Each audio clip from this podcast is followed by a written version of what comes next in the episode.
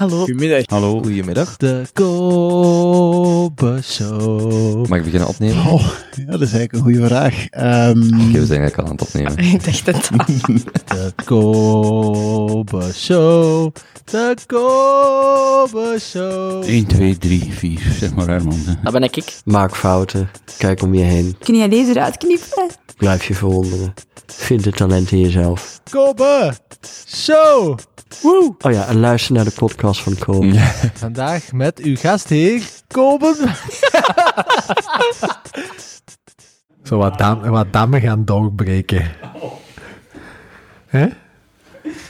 Dat is zeker Jan Teun. nooit meer zoiets hebben voor de podcast.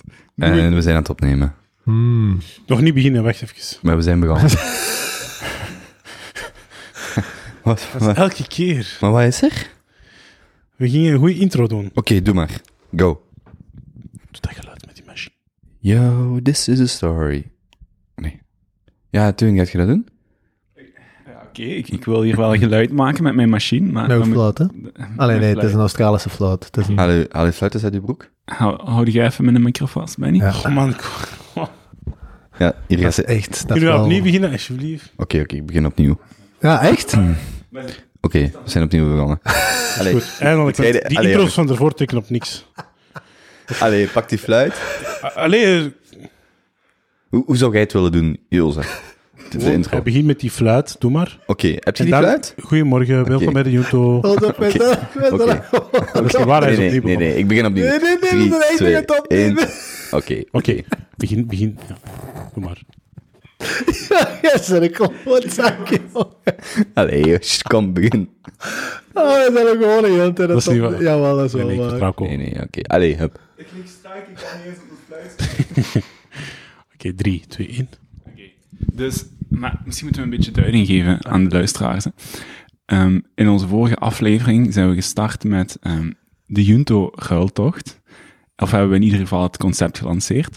Om de En- bospot te spekken. Ja, inderdaad, om de bospot te spekken en ehm, objecten te ruilen met luisteraars, totdat we bij een object komen dat zoveel waard is of zo chic is dat we het zouden kunnen veilen en dat eh, veilingsbedrag de bospot kan spekken. En eh, vandaag heb ik ons eerste object bij en ehm, dat is een, eh, een, zoals Penny het al meerdere malen heeft eh, aangehaald, een fluit. Het is niet echt een fluit, het is een, het is een mondharp. En ik ga even tonen wat het kan. Klein, klein nog eh, kanttekening. Het is toch het idee van die ruiltocht dat eh, het- waar we tegen ruilen iets meer waard is als dit, hè? Exact. Dat heeft hij net gezegd. Ah, we zeggen het erbij? Ah, dat Nee, niet. klopt, klopt. Ja, oké. Heb jij, een indi- heb jij een indicatieve waarde van dat ding? Ehm, dit is eh, een souvenirtje uit Ibiza. Eh, en ik denk dat ik daar toen 25 euro voor heb betaald. Het zal eh, gemaakt zijn uit veren, staal en messing. Oké. En jij komt dat ook bij de persoon in kwestie thuis ruilen, hè? Ja, correct. En ongewassen is dat 35 euro minstens waard. Eh, in coronatijden gaan we dat volledig eh, ontsmetten. Hmm. Ja, Oké. Dus eh, je plaatst het op je voorste tanden. En dit is eigenlijk het basisgeluid. En dan afhankelijk van je eigen muzikaliteit en ehm, muzikale voorkeur kunt jij eh, naar wat tribal techno gaan.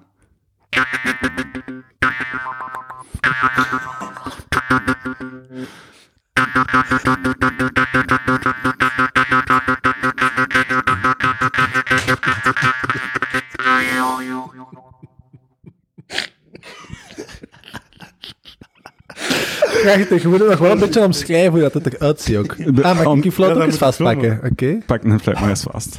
Dus zal ik het dan eens omschrijven. We zijn hier gewoon ons eigen in de glorie aan het maken. Ja, maar zou dat eens eerlijk? Je hebt dat niet afgezet, hè? fuck zijn wij bezig? Zijn we begonnen of niet? Het zijn wel begonnen. Allee, jongens.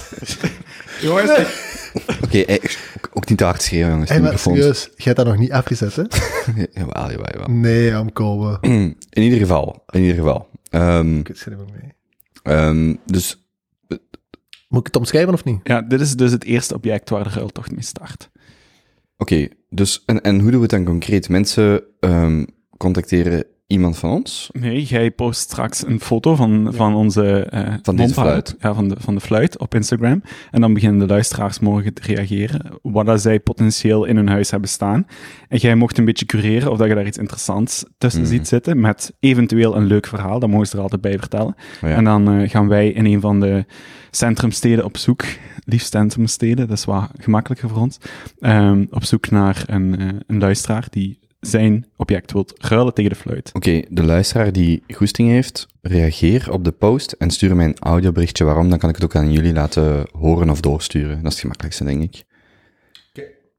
En dus de bedoeling is dat we uiteindelijk een object hebben of iets hebben dat we, waarmee we de bospot maximaal kunnen vullen. Ja. Dat tegen dat lenten is dat we kunnen beginnen planten. Check. Oké, nog heel even bij die bospot. Zit nu 440 euro in. Zit bijna op een tiende. Niet Maar er is ook een bod van 100 euro. Van 100 euro op de foto van Teun. Correct. Dus we Joost, zitten bij eigenlijk boven 10%. ja. Heb, heb jij enig idee waar we over aan het praten zijn? Jullie gaan een bos planten? Nee. Wij. Die, Ah, die, jullie- foto, ah, wij. die foto, die foto van Teun. Ja, ik had die zien in de bloot bovenlijf of zoiets. Maar ben ik juist of niet? Want ik heb al, ik heb al geld gez- ingezet. Ja, Benny legde dat vorige keer heel goed uit, dus misschien moet je nog eens de beschrijving van de foto doen. Dus, de Teun, een paar jaar geleden, zware kater, bij hem thuis in Limburg. Was daarvoor goed aan het trainen geweest. Periode, fitte periode, actieve periode. Kom beneden met zijn kater. Er was ook een eh, klein poesje aanwezig, ten huize haarbraken. En terwijl het hem daar zijn kater in zijn bloot bovenlijf staat, want het is zomer, komt dat poesje er langs. Teun pakt het poesje op. De zus van Teun zit in de sofa en trekt een foto van Teun, terwijl hij zijn, zijn biceps er gewoon uitpopt op de foto. Ehm, waarbij dat Teun met een dromerige katerblik eh, naar de zuster kijkt, terwijl het hem het, eh, eh, de kleine poes vast heeft. De zus post dat zonder dat Teun het weet op een account genaamd Hunks with ja. Kittens. Gezicht. En dat heeft 15.000 likes gekregen. Dat is kei leuk. En nu die foto gaan we dan... ja, die zijn we dus nu aan het verloten, hè, voor de hoogste Die foto prijs. wordt eh, in hoge kwaliteit afgeprint en eh hoogstpersoonlijk thuis geleverd in de eh, duizend, in, in de, tussen Gent, Brussel, Antwerpen, Ja, door, door Teun. En de opbrengst gaat integraal naar eh, de bospot. dat is kei leuk. Alles voor het bos. Dus vorige week zouden we Teun zijn eh, foto beginnen ehm, laten opbieden en vandaag doen we Teun zijn fluit. Mhm. Is wel mooi dat je weer een inzet van natuur. Je moet er iets voor over hebben, Dat is waar. Dat is waar. Oké, ik ga je, je even neerleggen. Hè? Hm. Ik ben dan zo'n mobiel escortebureau aan het worden. Ik voel het al. Ja, ja, ja. Ja, over drie afleveringen zijn, zijn, al. zijn we Teun aan het uithoeren. Ehm, bieden vanaf 250 euro. Ehm Hoe moet Ja. ik natuur? alles voor het bos. Oké. Ze- zeiden jullie dat niet? Iets van een, eh, een met... Nee, ah, nee. Ehm, ja, is Ehm, moet... Stelt jij ons voor? Ja, ik zal jullie voorstellen. Maar ik wil daar wel even... Is dat de laatste keer dan? Gaan we dan tegen de volgende opname een soort van standaard introotje hebben? Vraag je naar mij? Ja, uiteraard. Jij als gastheer en... eh, Wordt geautomatiseerd. Maar ik vind, dat, ja, ik vind dat ook wel leuk dat we dat zo doen, weet je? Of ik kan het ook in de show notes zetten. Kunnen we, kunnen we daar de luisteraars op laten stemmen? Ah, doe een Instagram-poll. Doe maar. Oké. Ja. Oké. En de keuzes zijn... Eh, moet we elke aflevering elkaar blijven voorstellen random? Ja, spontaan. Of maken we een vast introotje om te zeggen wat die intro is? En wie dat we zijn? Ja. Eh, Ik zou wel kunnen kijken, dat lijkt me wel heel leuk, als we zo een rechte vrij, dat gaat het probleem zijn, maar zoiets van Winnie de Pooh of zo, Poe, beer, je poe, beer. en dan zo daar zoiets op inzingen, zo van, Nee. ik, ik ben Benny, da, da, da, da, da. Nee. Whatever floats your boat. Of zoiets gelijk in, in Friends, zo, anyway. Nee. Oké. Oké. Maar dus vandaag doet eh Jozef het. Ja, maar ik doe dat meestal aan de hand van een leuke vraag. hè. Eh, maar ik zal beginnen met Kobe. Ik ga mij tot jou richten. Kobe. Kobe zit hier voor me. Ehm, ik zal Kobe voorstellen. Hij is de maker van deze show, de eigenaar. Hij komt binnenkort in de krant, Het Belang van Limburg. Hij zit er heel goed bij. Ik moet zeggen, eh Kobe, waar ben je vandaag mee bezig geweest? Sporten en voorbereiden op jullie en op de gast van Mauri. Kijk, Kobe is bezig met springtouwen. Hij probeert dat, die sport mannelijk te houden. Hij probeert dat. En ik heb het gevoel dat het nog niet zo goed lukt. Ik weet niet, wat denkt de rest ervan? Ik heb er af en toe mijn twijfels bij, ja, Ja? Basja. Ja, dankjewel. Ja, ben je Ik mee? vind het een echt verdienstelijke poging. Goed, volg allemaal koopskipping. Oh, jongen. Koopskipping? Koop, koopskipping. Ja, Is het koopskipping? koopskipping. Oké. Ad, ad koopskipping. Ad koopskipping, ja. Wacht, we waren nog niet aan het opnemen. ah, ja, oké. Ga verder. Nee, dus eh en Kobe vraagt ehm, eh, vrij urgent, dringend, eh, wie er een bandje van zijn horloge kan vervangen. Ik snap niet waarom de man dat doet, maar goed, hij heeft dat toch gevraagd online. Kobe is ondertussen gelukt. Ik ben ermee bezig. Oké, kan er iemand dringend een horlogebandje vervangen? Ik heb, ik heb iemand gevonden. Oké, perfect. Hm. Ja. Oké, En voor de rest, ja, dat was Kobe. Mooie voorstelling. Ja, ik kan niet anders. Oké, prachtig, sterk. eh, dus, Waanzinnig. en hij heeft weer zijn eigen t-shirt aan. Een t-shirt met zijn eigen naam op. Blues. Blues. Die ik trouwens ook heb. Ah, wacht. Oh, dat doet mij... dat doet mij heel even aan iets denken. Ik heb wel de laatste eh, twee weken twee keer de vraag gekregen om een mok, een tas van de show. Maar dus eh, De Junto. Van, Junto wel, Boys. Junto Boys mok. ik, ik denk wel voor de Junto Boys, ja. dat is daar zou ik het graag... Maar he- hebben jullie ideeën of, of ideeën qua hoe, hoe dat, dat eruit zou zien? Want ik zou wel heel graag opeens kan weer naar de bospot gaan. Eh, een soort van mok of zo. Of laat dat bezinken. Misschien het Jozef een ronde verder. Maar als jullie of iemand die luistert een idee heeft voor een mok, Kunnen we eens offline bespreken, hè? We zitten niet met een, een designer, dus... eh, waar? Ah. Oké. Eh, ik, ga, ik ga Teun voorstellen. Teun zit rechts van mij. Eh, hij is nog altijd heel goed in shape, kan altijd zeggen. Eh, van man tot man mag ik dat zeggen, zonder dat dat gepubliceerd wordt. Perfect. Ehm Teun heeft altijd de catch of the day, maar hij is eigenlijk, zonder dat hij het door heeft, zelf de catch of the day. Maar ehm, ja, voor de rest moet ik zeggen, Teun is zich aan het specialiseren in de Spaanse cultuur. Ehm, heel, heel, heel hard aan het verdiepen. Transatlantisch, zeer sterk zijn eigen aan het ontwerpen. Transatlantisch.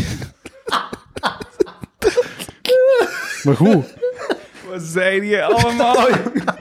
Zo, zo geeft hij les, hè? Zo, zo geeft hij les. eh, nee, eh, ik moet zeggen, eh Teun zit er goed bij. Ehm Teun, mag ik vragen, eh, heb jij eh, onlangs nog een fijne droom gehad? Oh, Basja, wat vraagt je me nu? Heb ik nog een fijne droom gehad? Ja, ik heb... eh, eh, Misschien over bepaalde dingen die dat er gebeurd zijn, of Ja. die dat er gaan gebeuren binnenkort. Ja? ja, maar daar kan, ik, daar kan ik momenteel niet over uit. Ik vind dat je dat in drie woorden moet kunnen zeggen. Gewoon, we zitten hier in een goede sfeer, niemand luistert mee. Kom aan, Dus dat toch dingen waar je van droomt. drie woorden. Eh, mijn beslissing is gemaakt. Perfect. Ja, oké. Dat is keigoed. Wij sturen nu. Goed, dus eh, dat was steun. Aangenaam om te leren kennen. Zeer cryptisch, maar eh, goed. Eh, goed, wil jij nog iets toevoegen? Ik ga het hierbij laten. Oké. Goed, dan ga ik over naar mijn laatste catch of the day. Benjamin IJzermans, eh, medeoprichter van Bouwen Living. Ik ben absoluut mee in het verhaal wat hij nu doet. Dus, lieve mensen, ik ga een verhaal vertellen. Heeft Pasha zijn eigen podcast nodig? Wacht, ik ga één ding zeggen. Lieve luisteraars, luister nu goed. Ik heb een vraag voor jullie persoonlijk. Hebben jullie ooit al eens gerenoveerd? Hebben jullie ooit... Hebben jullie ooit nood gehad aan een loodgieter, elektricien of andere zaak in jullie huis om te helpen met verbouwen? Ja? Dat is mooi. Bel nu Benjamin IJzermans. Hij coördineert alle renovatiewerken zonder zelf iets te doen. Daar komt het op neer. Goed. Als we zijn zaterdag gaan wandelen, ik heb een kwartier lang proberen uit te leggen wat wij doen.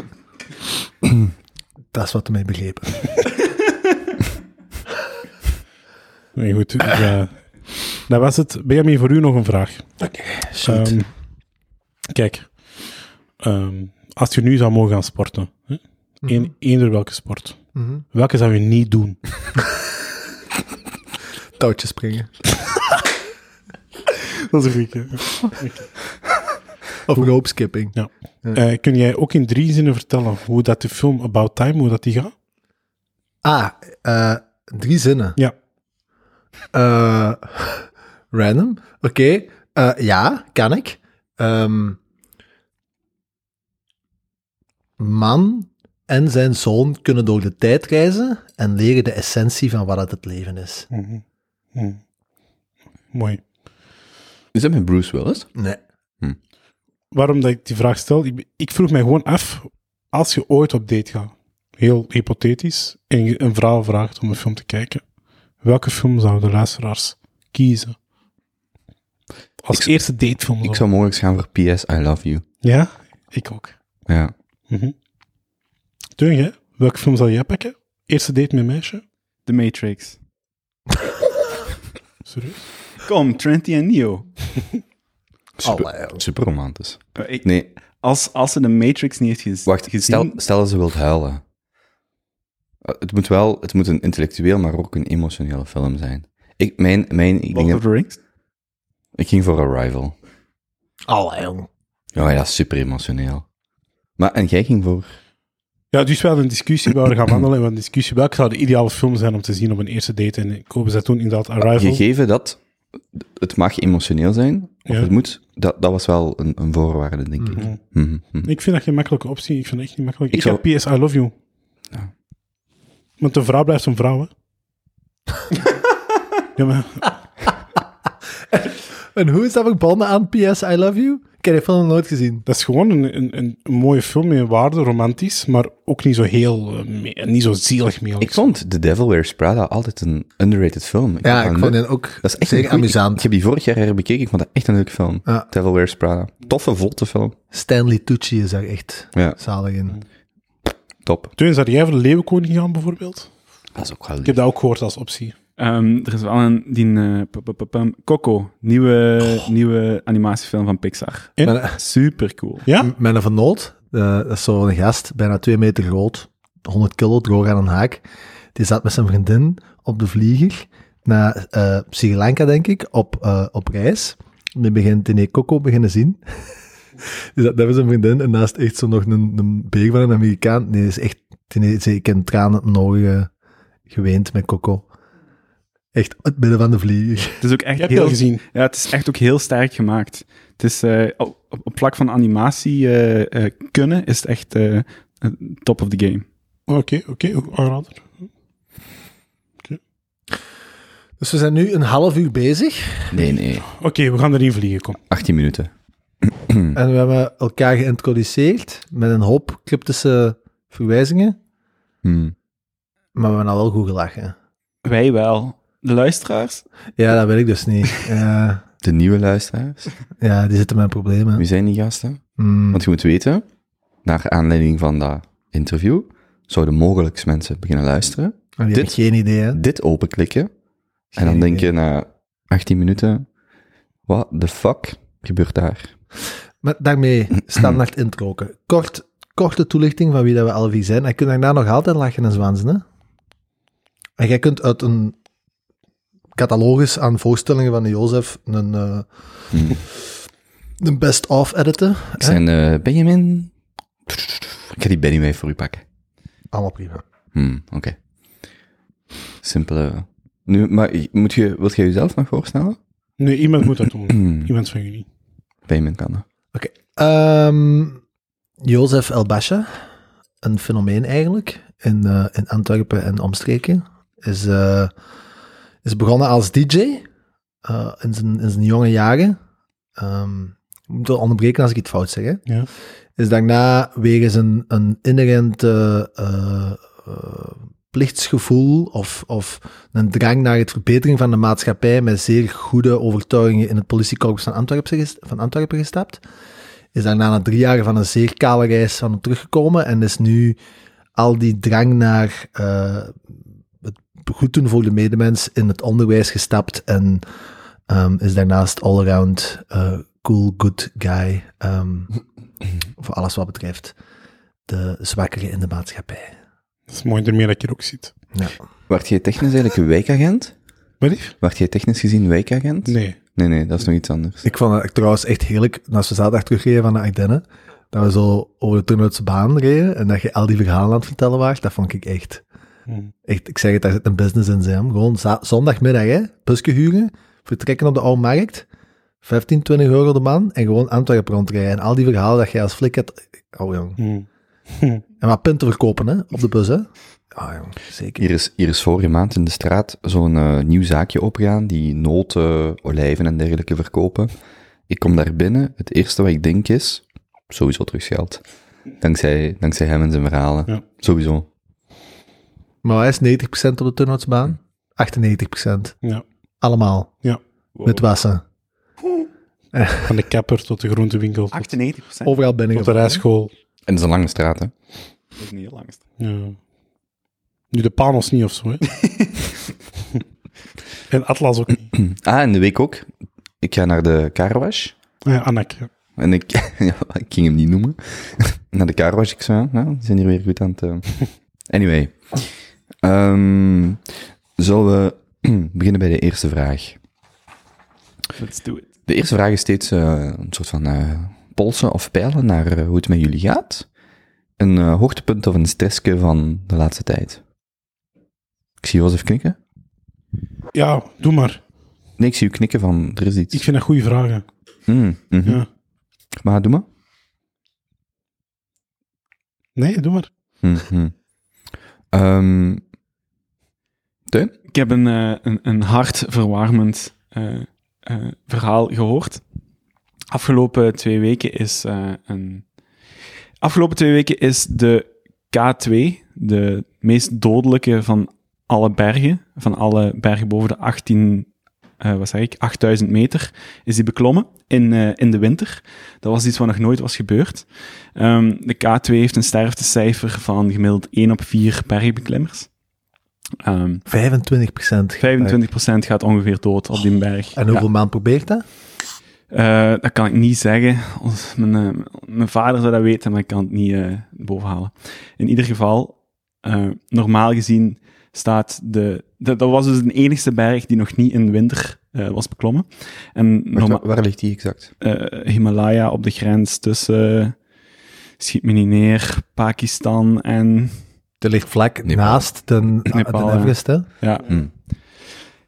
In ieder geval, eh, normaal gezien staat zo'n beklimming, zo'n unieke beklimming in de winter. Hè? Eh, de enigste en laatste die nog moest gebeuren van alle acht eh, duizenders, staat dat op de palmares van een rijke Amerikaan, een Brit of een Europeaan, die daar een slordige 35 tot 50.000 euro voor neertelt en dan in supergrave Noordface kledij naar boven trekt met een hoop Sherpas op zijn hielen. Maar ehm, dit jaar is er zoiets als corona.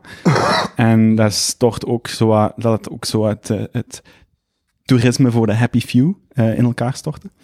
En ja, al die Sherpas zaten daaronder aan die berg. En die hebben dan met z'n allen besloten dat zij het wel eens gingen proberen. Dus de jongens die normaal de, de, de rijke mannen naar boven stellen ehm, die zijn naar boven geklommen, die hebben zich dan geacclimatiseerd, dat gaat in stages. Dus die beginnen met basiskamp en die bouwen dan telkens een, een, kamp hoger op de berg, om daar te acclimatiseren aan ehm, het, eh, de, de, de lage zuurstofgraad.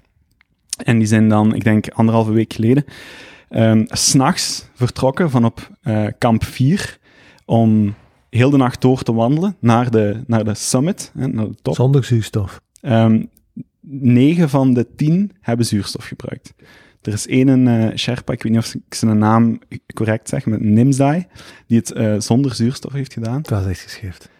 En het zotte van die mannen is, hè, dus echt gewoon de, de, de, de jongens die daar leven, de jongens die die economie daar draaiende houden, zijn op 10 meter van de, van de top gestopt. Zijn die allemaal op een rij gaan staan, hebben die elkaars hand vastgenomen, zijn die naar de top gewandeld terwijl dat ze hun volkslied waren aan het zingen. En hebben ze dus de, de eerste beklimming van de K2 in de winter gezamenlijk op de naam van die groep gezet. Fuck, dat is gaaf. Hoe heet die? Weet je toevallig wat die groep heet? Eh, Als mensen wel opzoeken. Seven Track Summits, daar zijn ze deel van. Maar s- steek stuur het van de show notes. Ja, ik zal, er is een hele schone Instagram waar je dat ook ziet, waar ze een GoPro vast hebben en je ziet ze als vrolijke vrienden die een top opwandelen. In de achtergrond ziet je de curve van de aarde en de gigantische schaduw over de Himalaya van de K2. Ehm, en daarna ziet je hun portretten passeren en je ziet overal zo die, die brandwondes van de...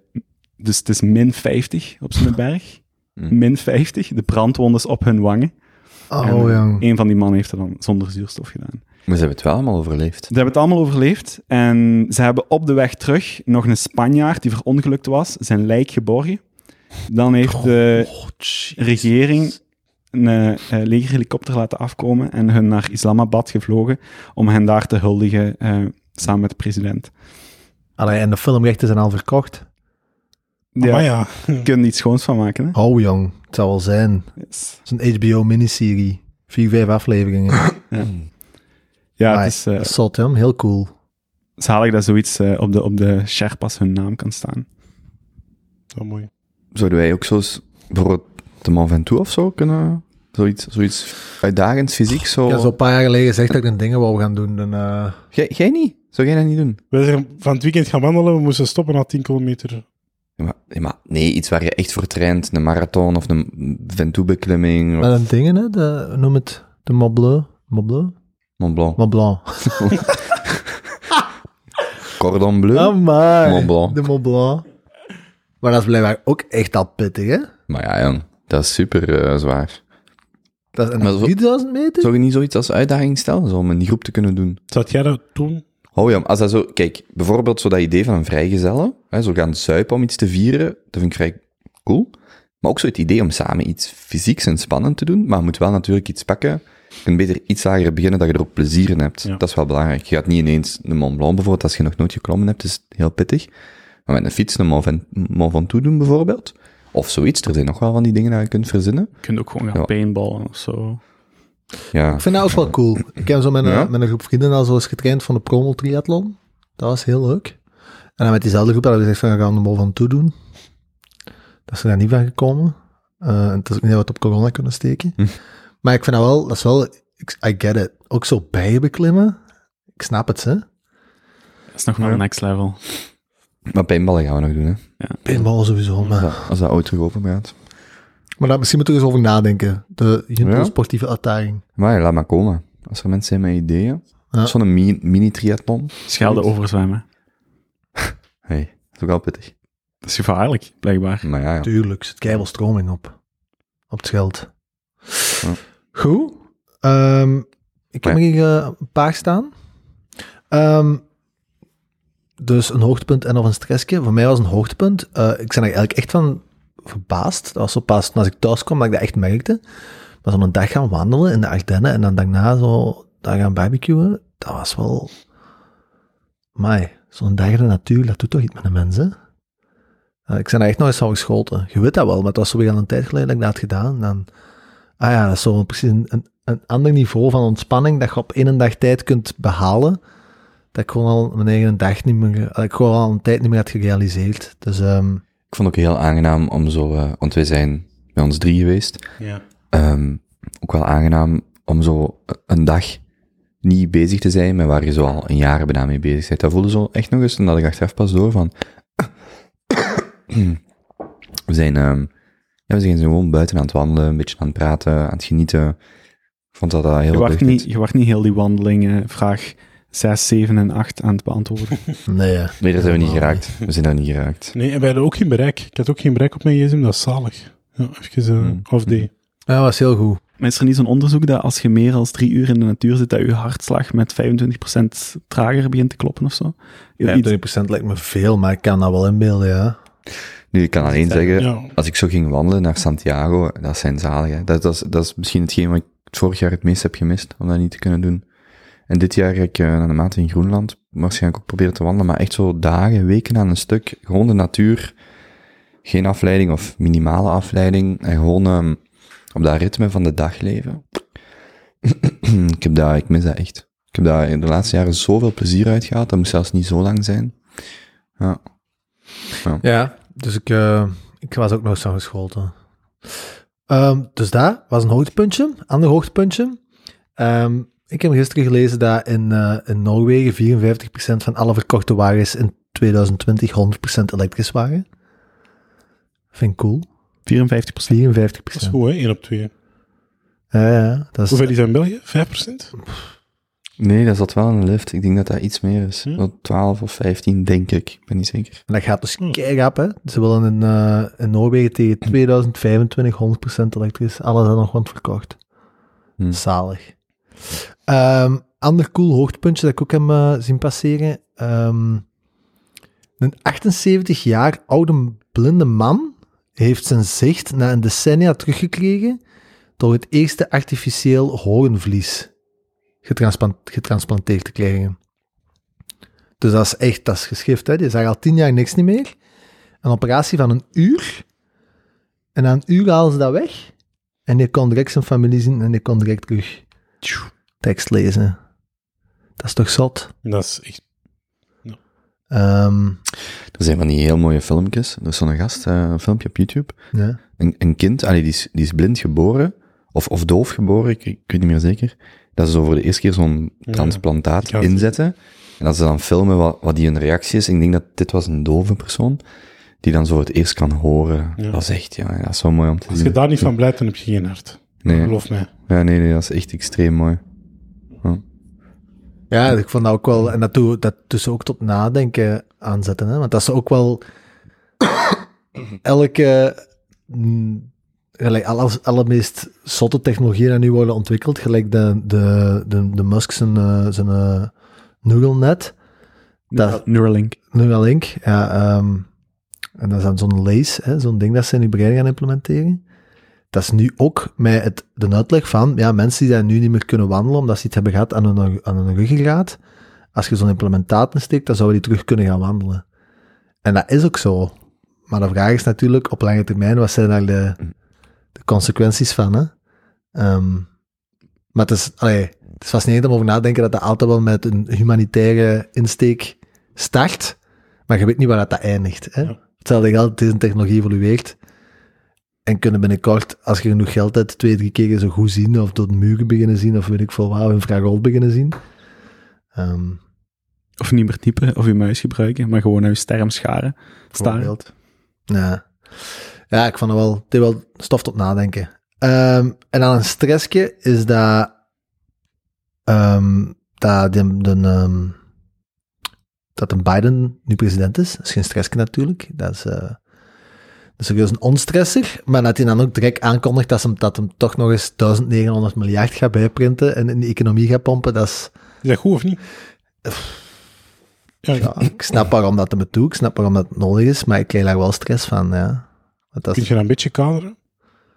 Ehm, ja, ik denk dat we dat ook al wel een deel gedaan hebben in de kerstspecial, maar heel kort.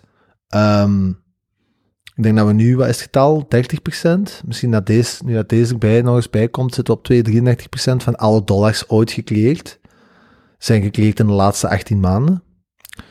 Dus dat is een monetair experiment dat zijn voorgaande niet kent. En de vraag is wat dat gaat doen op de korte en middellange termijn. En iedereen die dat zegt, dat ze weten wat dat gaat doen, die zijn een pakje aan het liegen, want dat weet niemand. Ehm dus er zijn hele hoop theorieën wat dat daar gaat geven en daar de consequenties van gaan zijn. Het is heel moeilijk te voorspellen, maar in elk geval een hele hoop onzekerheid en inflatie als gevolg. Dus dat is wel ja, stressvol.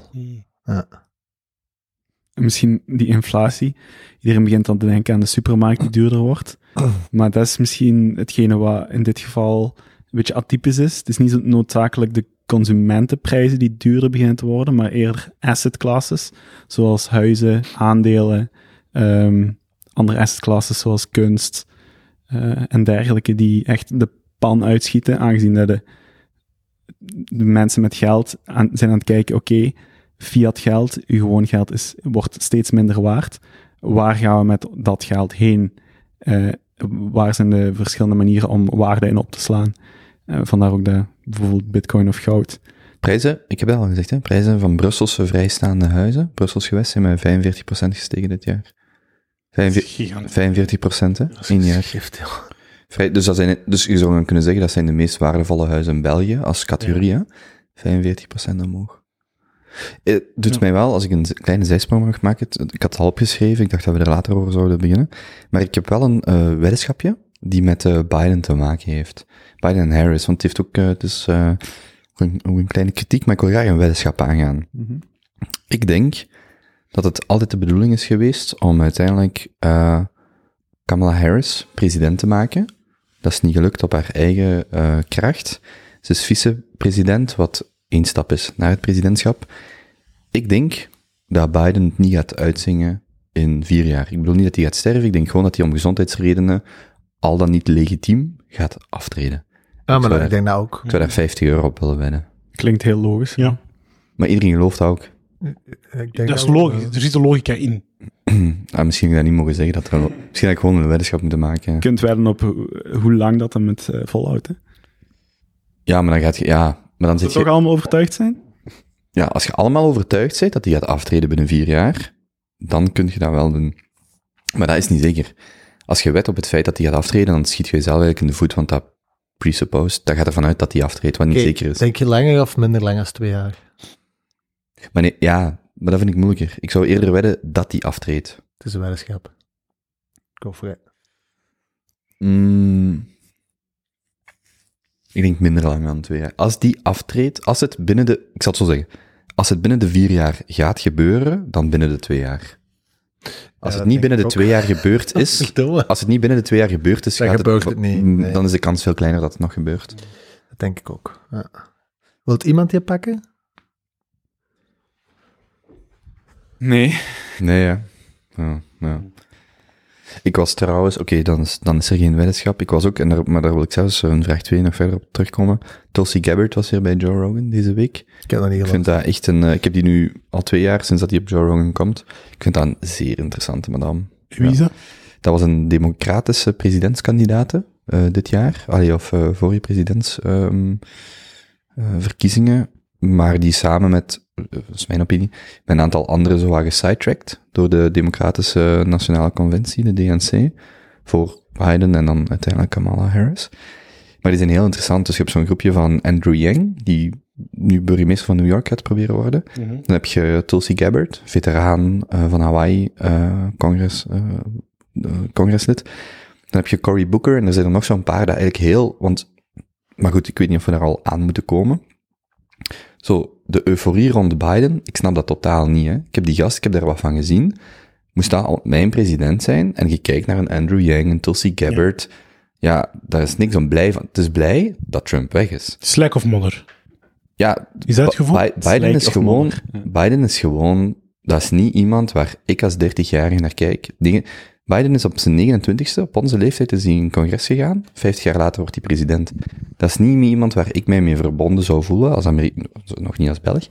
Maar dus, de, het interessante is dat er wel heel wat ehm, eh, competente mensen klaarstaan, maar die zijn allemaal zo min of meer gesidetracked, vooral Andrew Yang. Maar het is wel heel interessant om die in die long form, onder andere Joe Rogan, en ze starten nu ook allemaal een eigen podcast, om die toch te kunnen volgen. Want dat zijn, dat zijn heel kwalitatieve mensen, of tenminste van, van wat ik ervan hoor of zie.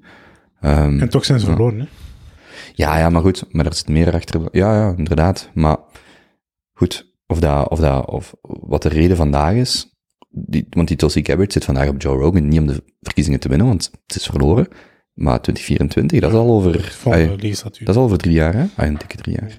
Dus Maar ja, de democraten gaan nooit de zittende president niet naar voren schuiven als een nieuwe kandidaat. Hè? tenzij dat die niet meer zit. En ik denk dat dat deel van het plan is. Ik denk dat dat echt wel... Dat kan. Ik, ik, en wat ook een beetje cynisch is, want wat zeg je dan eigenlijk tegen je burgers? Van dit is allemaal, wij hebben het allemaal de touwtjes in handen. Ehm, maar het lijkt mij toch heel sterk dat Biden, die nu al cognitief, je kunt er niet rondom gaan, zijn probleem heeft. Ja. Dat, dat is niet, dat is gewoon, dat lijkt mij geen lang, ik, ik, dat is misschien een weddenschap. Gaat hij een tweede termijn doen? Ik denk dat, ik denk dat helemaal niet van wat ik ervan zie. Maar goed, ehm, maar het is wel hoopgevend dat er heel wat competente mensen zijn daarachter die gewoon, die we deze periode of presidentsverkiezingen, het ging allemaal over Biden en Trump, uiteraard. Maar daarachter zit wel een laag competente mensen en dat is wel veelbelovend, denk ik. Ik was een week naar die All, All In podcast aan het luisteren. En daar is een heel interessante theorie dat ehm, de kans heel groot is dat Trump niet terug genomineerd kan worden of gaat worden door de Republikeinse maatschappij. Partij. Maar partij, amai, Jesus. Ehm, en dat hij dan zijn eigen partij gaat starten. Dus de eh, Patriot- Patriot Party. Patriot Party. En dan gaat hij, ze schatten ergens tussen de 10 of 20 procent van de Republikeinse partij meenemen naar zijn partij. En dan kunnen de Republikeinen, theoretisch gezien, nooit terug herverkozen worden in hun huidige vorm. Want als hij dat doet, dan zet hem die gewoon schaakmat. Want met die 10, 20 procent Mhm. ja, ze kwamen nu al tekort, gaan ze Hmm. zeker tekort komen. En dan gaat er zo, dan gaat heel dat, Landschap. heel Ja. dat, dan gaat dat helemaal moeten gaan opengebroken worden. En dat is heel interessant, want dan is, waar dat, waar dat bijvoorbeeld een, eh, een dingen zei, ehm, Pieter Thiel, in het begin toen, als, toen als hij voor Trump was, zei hij van, ja, deze is gewoon, dit is hetgene dat deze partij nodig, dat deze stelsel nodig heeft, hè. Een, eh, een atoombom dat op heel dat twee-partijen systeem wordt gedropt en dat dat gewoon volledig gaat laten ontploffen. En het is misschien niet helemaal gelukt in zijn, in zijn, in zijn ambtstermijn als president, maar het gaat misschien nog wel lukken nu in de jaren daarna. Want als je dat doet, en ik denk dat de kans heel groot is dat dat gaat gebeuren, dan, ehm, dan wordt Dus- dat twee-partijsysteem wel echt... Er is ook een president van, een precedent, een Amerikaanse kandidaat, een derde kandidaat, zoveel decennia geleden, die opkwam louter met, met de boodschap van, kijk, ik ga nooit winnen, want ik ben geen republikein, ik ben een onafhankelijke kandidaat. Maar als 5%, ik zeg maar iets, op mij stemt, zit je eigenlijk zeker dat uw willen worden zo goed mogelijk worden ingewilligd, want ik ben nodig voor eender welke kandidaat om een meerderheid te hebben. En dat is effectief zo gelukt. En, en daarmee, dat was een aflevering op de Daily. En daardoor, eigenlijk dus, als jij een aantal bijvoorbeeld extremere standpunten hebt, of weg van consensus, die kandidaat haalt 5 à 10 procent, dan is die fundamenteel om een regering te vormen. Ja. En dat zou bij Trump, dan is die eigenlijk een gigantische hefboom. En dat zou bij Trump ook, ik heb die aflevering niet geluisterd, maar ik kan me dat wel voorstellen. Eens dat hij inderdaad 15, 15 procent heeft, is dat een gigantisch probleem. En zeker als bijvoorbeeld, als je gewoon snel even telt, ze hebben de Democraten 45, de Republikeinen 40. Ja, en dan heeft zo'n Trump, of wie dat daar ook in zit, 15 procent. Dat is een zwaar probleem, want iemand moet die meerderheid wel gaan samenstellen. sowieso. Ehm, Blijkbaar maar- ooit nog gebeurd door eh, Theodore Roosevelt. Heeft dat blijkbaar ooit ook gedaan. Die heeft de Proud Boys gestart. Dat is Hm. ook gestopt ergens of zo. En hij heeft ook zijn eigen partij gestart. Ik weet niet. Hm. Ze hebben er niet verder op ingegaan hoe dat, dat verlopen is. Maar het is, er is dus blijkbaar nog echt een precedent ook. Ja. Want hoe dan ook zijn er 70 miljoen mensen die voor Trump hebben gestemd, hè? 70 miljoen, dat is, allee, hoe je dat, Dat is problematisch. Dat is echt problematisch. Ja, probleem, dat is gewoon een heel grote groep mensen. En die gaan, en die zijn niet allemaal Trump de rug toegekeerd, is mijn verwachting. Dus als Trump zegt, ik start mijn eigen partij, mm, goed, ben De benieuwd. vraag is hoeveel, hoeveel waren, hebben gestemd als republikein en hoeveel hebben gestemd als Trump Ja. Mhm, supporter. En ook de vraag, mhm. Trump supporter voordat het Capitool is bestormd of Trump Mhm. supporter na het Capitool Als je dan is nu bijvoorbeeld Maar heeft dat zo'n groot impact? Ik denk dat wel. Ja. Maar bijvoorbeeld wat, wat Biden nu zegt, want Eric Weinstein was er weer over aan het tweeten, die, die zegt letterlijk in zijn beleidsverklaring, we maken zoveel tientallen of honderden miljarden van die 1,9 biljoen vrij, specifiek voor people of color, Asian community, eh, Latino community, dat die Eric tweette van, mijn kinderen zijn half Aziatisch, stop met dit te doen, want je geeft mensen een, een maatschappelijke ehm, excuus om, om eigenlijk dingen te claimen die niet van hen zijn. Die zijn van iedereen. Die zijn niet specifiek van u, gewoon omdat je half Aziatisch bent, zegt hij in het geval van mijn kinderen. En dus die verdeeldheid en die polarisering, dat is misschien een weddenschap, dat gaat zo hard toenemen onder Biden, is mijn verwachting. Omdat die, je ziet dat nu al, die, die foto ook op Twitter van We Stand United, daar gaat, daar komt, dat, dat land is verdeeld en, en er wordt nu zo wat, vind ik, eh, zo wat overgedaan van, nu is het allemaal oké, nu komt de rust terug. Maar je zit daar met een groep van 70 miljoen mensen die absoluut niet, wel, goed, die polarisering is niet weg. En ik, ik, ik ben heel benieuwd hoe dat gaat gaan. Kobe, maar wat is, wat is Eric's visie dan? Is, is dat zo van, racisme gaan we enkel kunnen oplossen als we stoppen met over racisme te praten? Ja, maar nee, nee, maar het gaat niet over racisme. maar Het gaat erom dat, dat Biden vanuit zijn filosofie bepaalde groepen gaat bevoordelen ten opzichte van anderen. Ja. Wat, een- wat aan zich een geldige filosofie is, maar daarmee creëert je niet minder polarisering. Mhm. Integendeel is mijn verwachting, en ik denk dat Eric daar ook op alludeerde van, kijk bijvoorbeeld naar inkomensniveaus. Er zijn heel veel blanke mensen die heel weinig verdienen. Maar hoe dat Biden het presenteert is, oké, je hebt, je hebt gewoon het, de juiste huidskleur, of half Asian, in het geval van Eric zijn kinderen. Daarom krijg jij meer eh, ehm, studiesubsidie enzovoort enzoverder.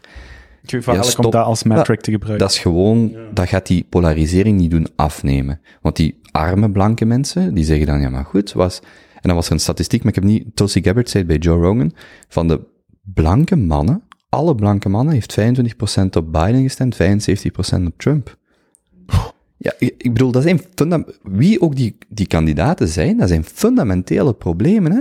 Als 75% van u, de venten in een land, op de ene stemmen die het niet is geworden, Ja. van die 75 hebben er misschien Niet vijf- alle, niet alle venten, hè. De, de, ja, de blanke. Van die 75 hebben er misschien 25 wapens thuis liggen.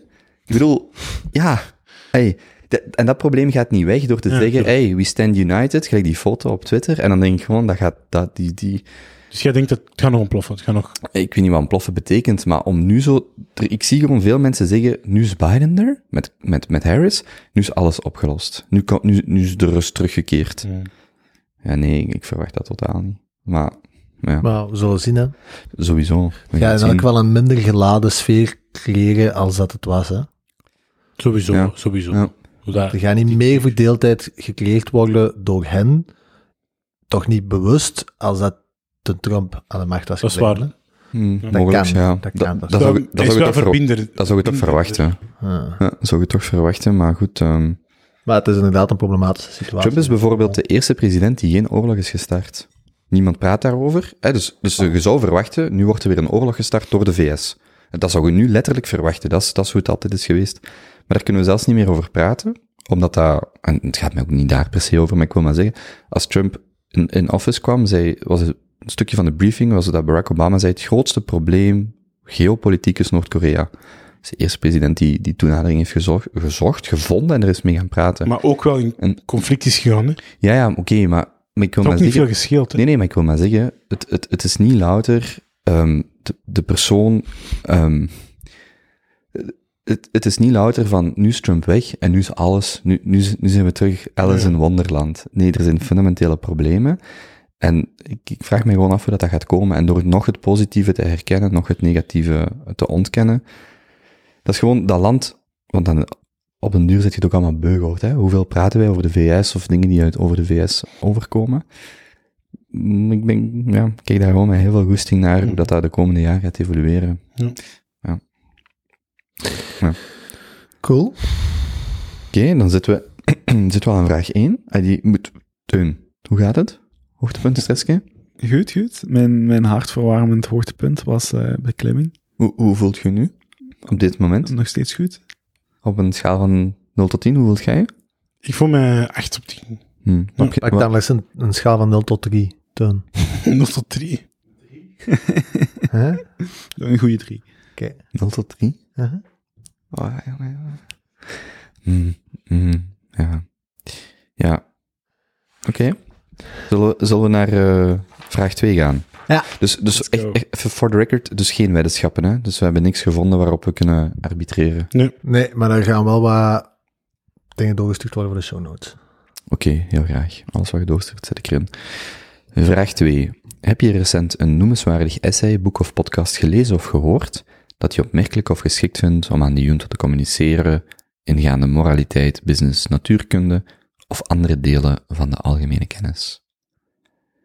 Ja, ik ben... eh, Nee, dat is een slecht grapje. Heeft, heeft, heeft iemand... Zeg maar. Ja, ik wou zeggen, ik ben eh, immuun tegen covid-nieuws. Oh, ja. Ik ben zo beu. Ja,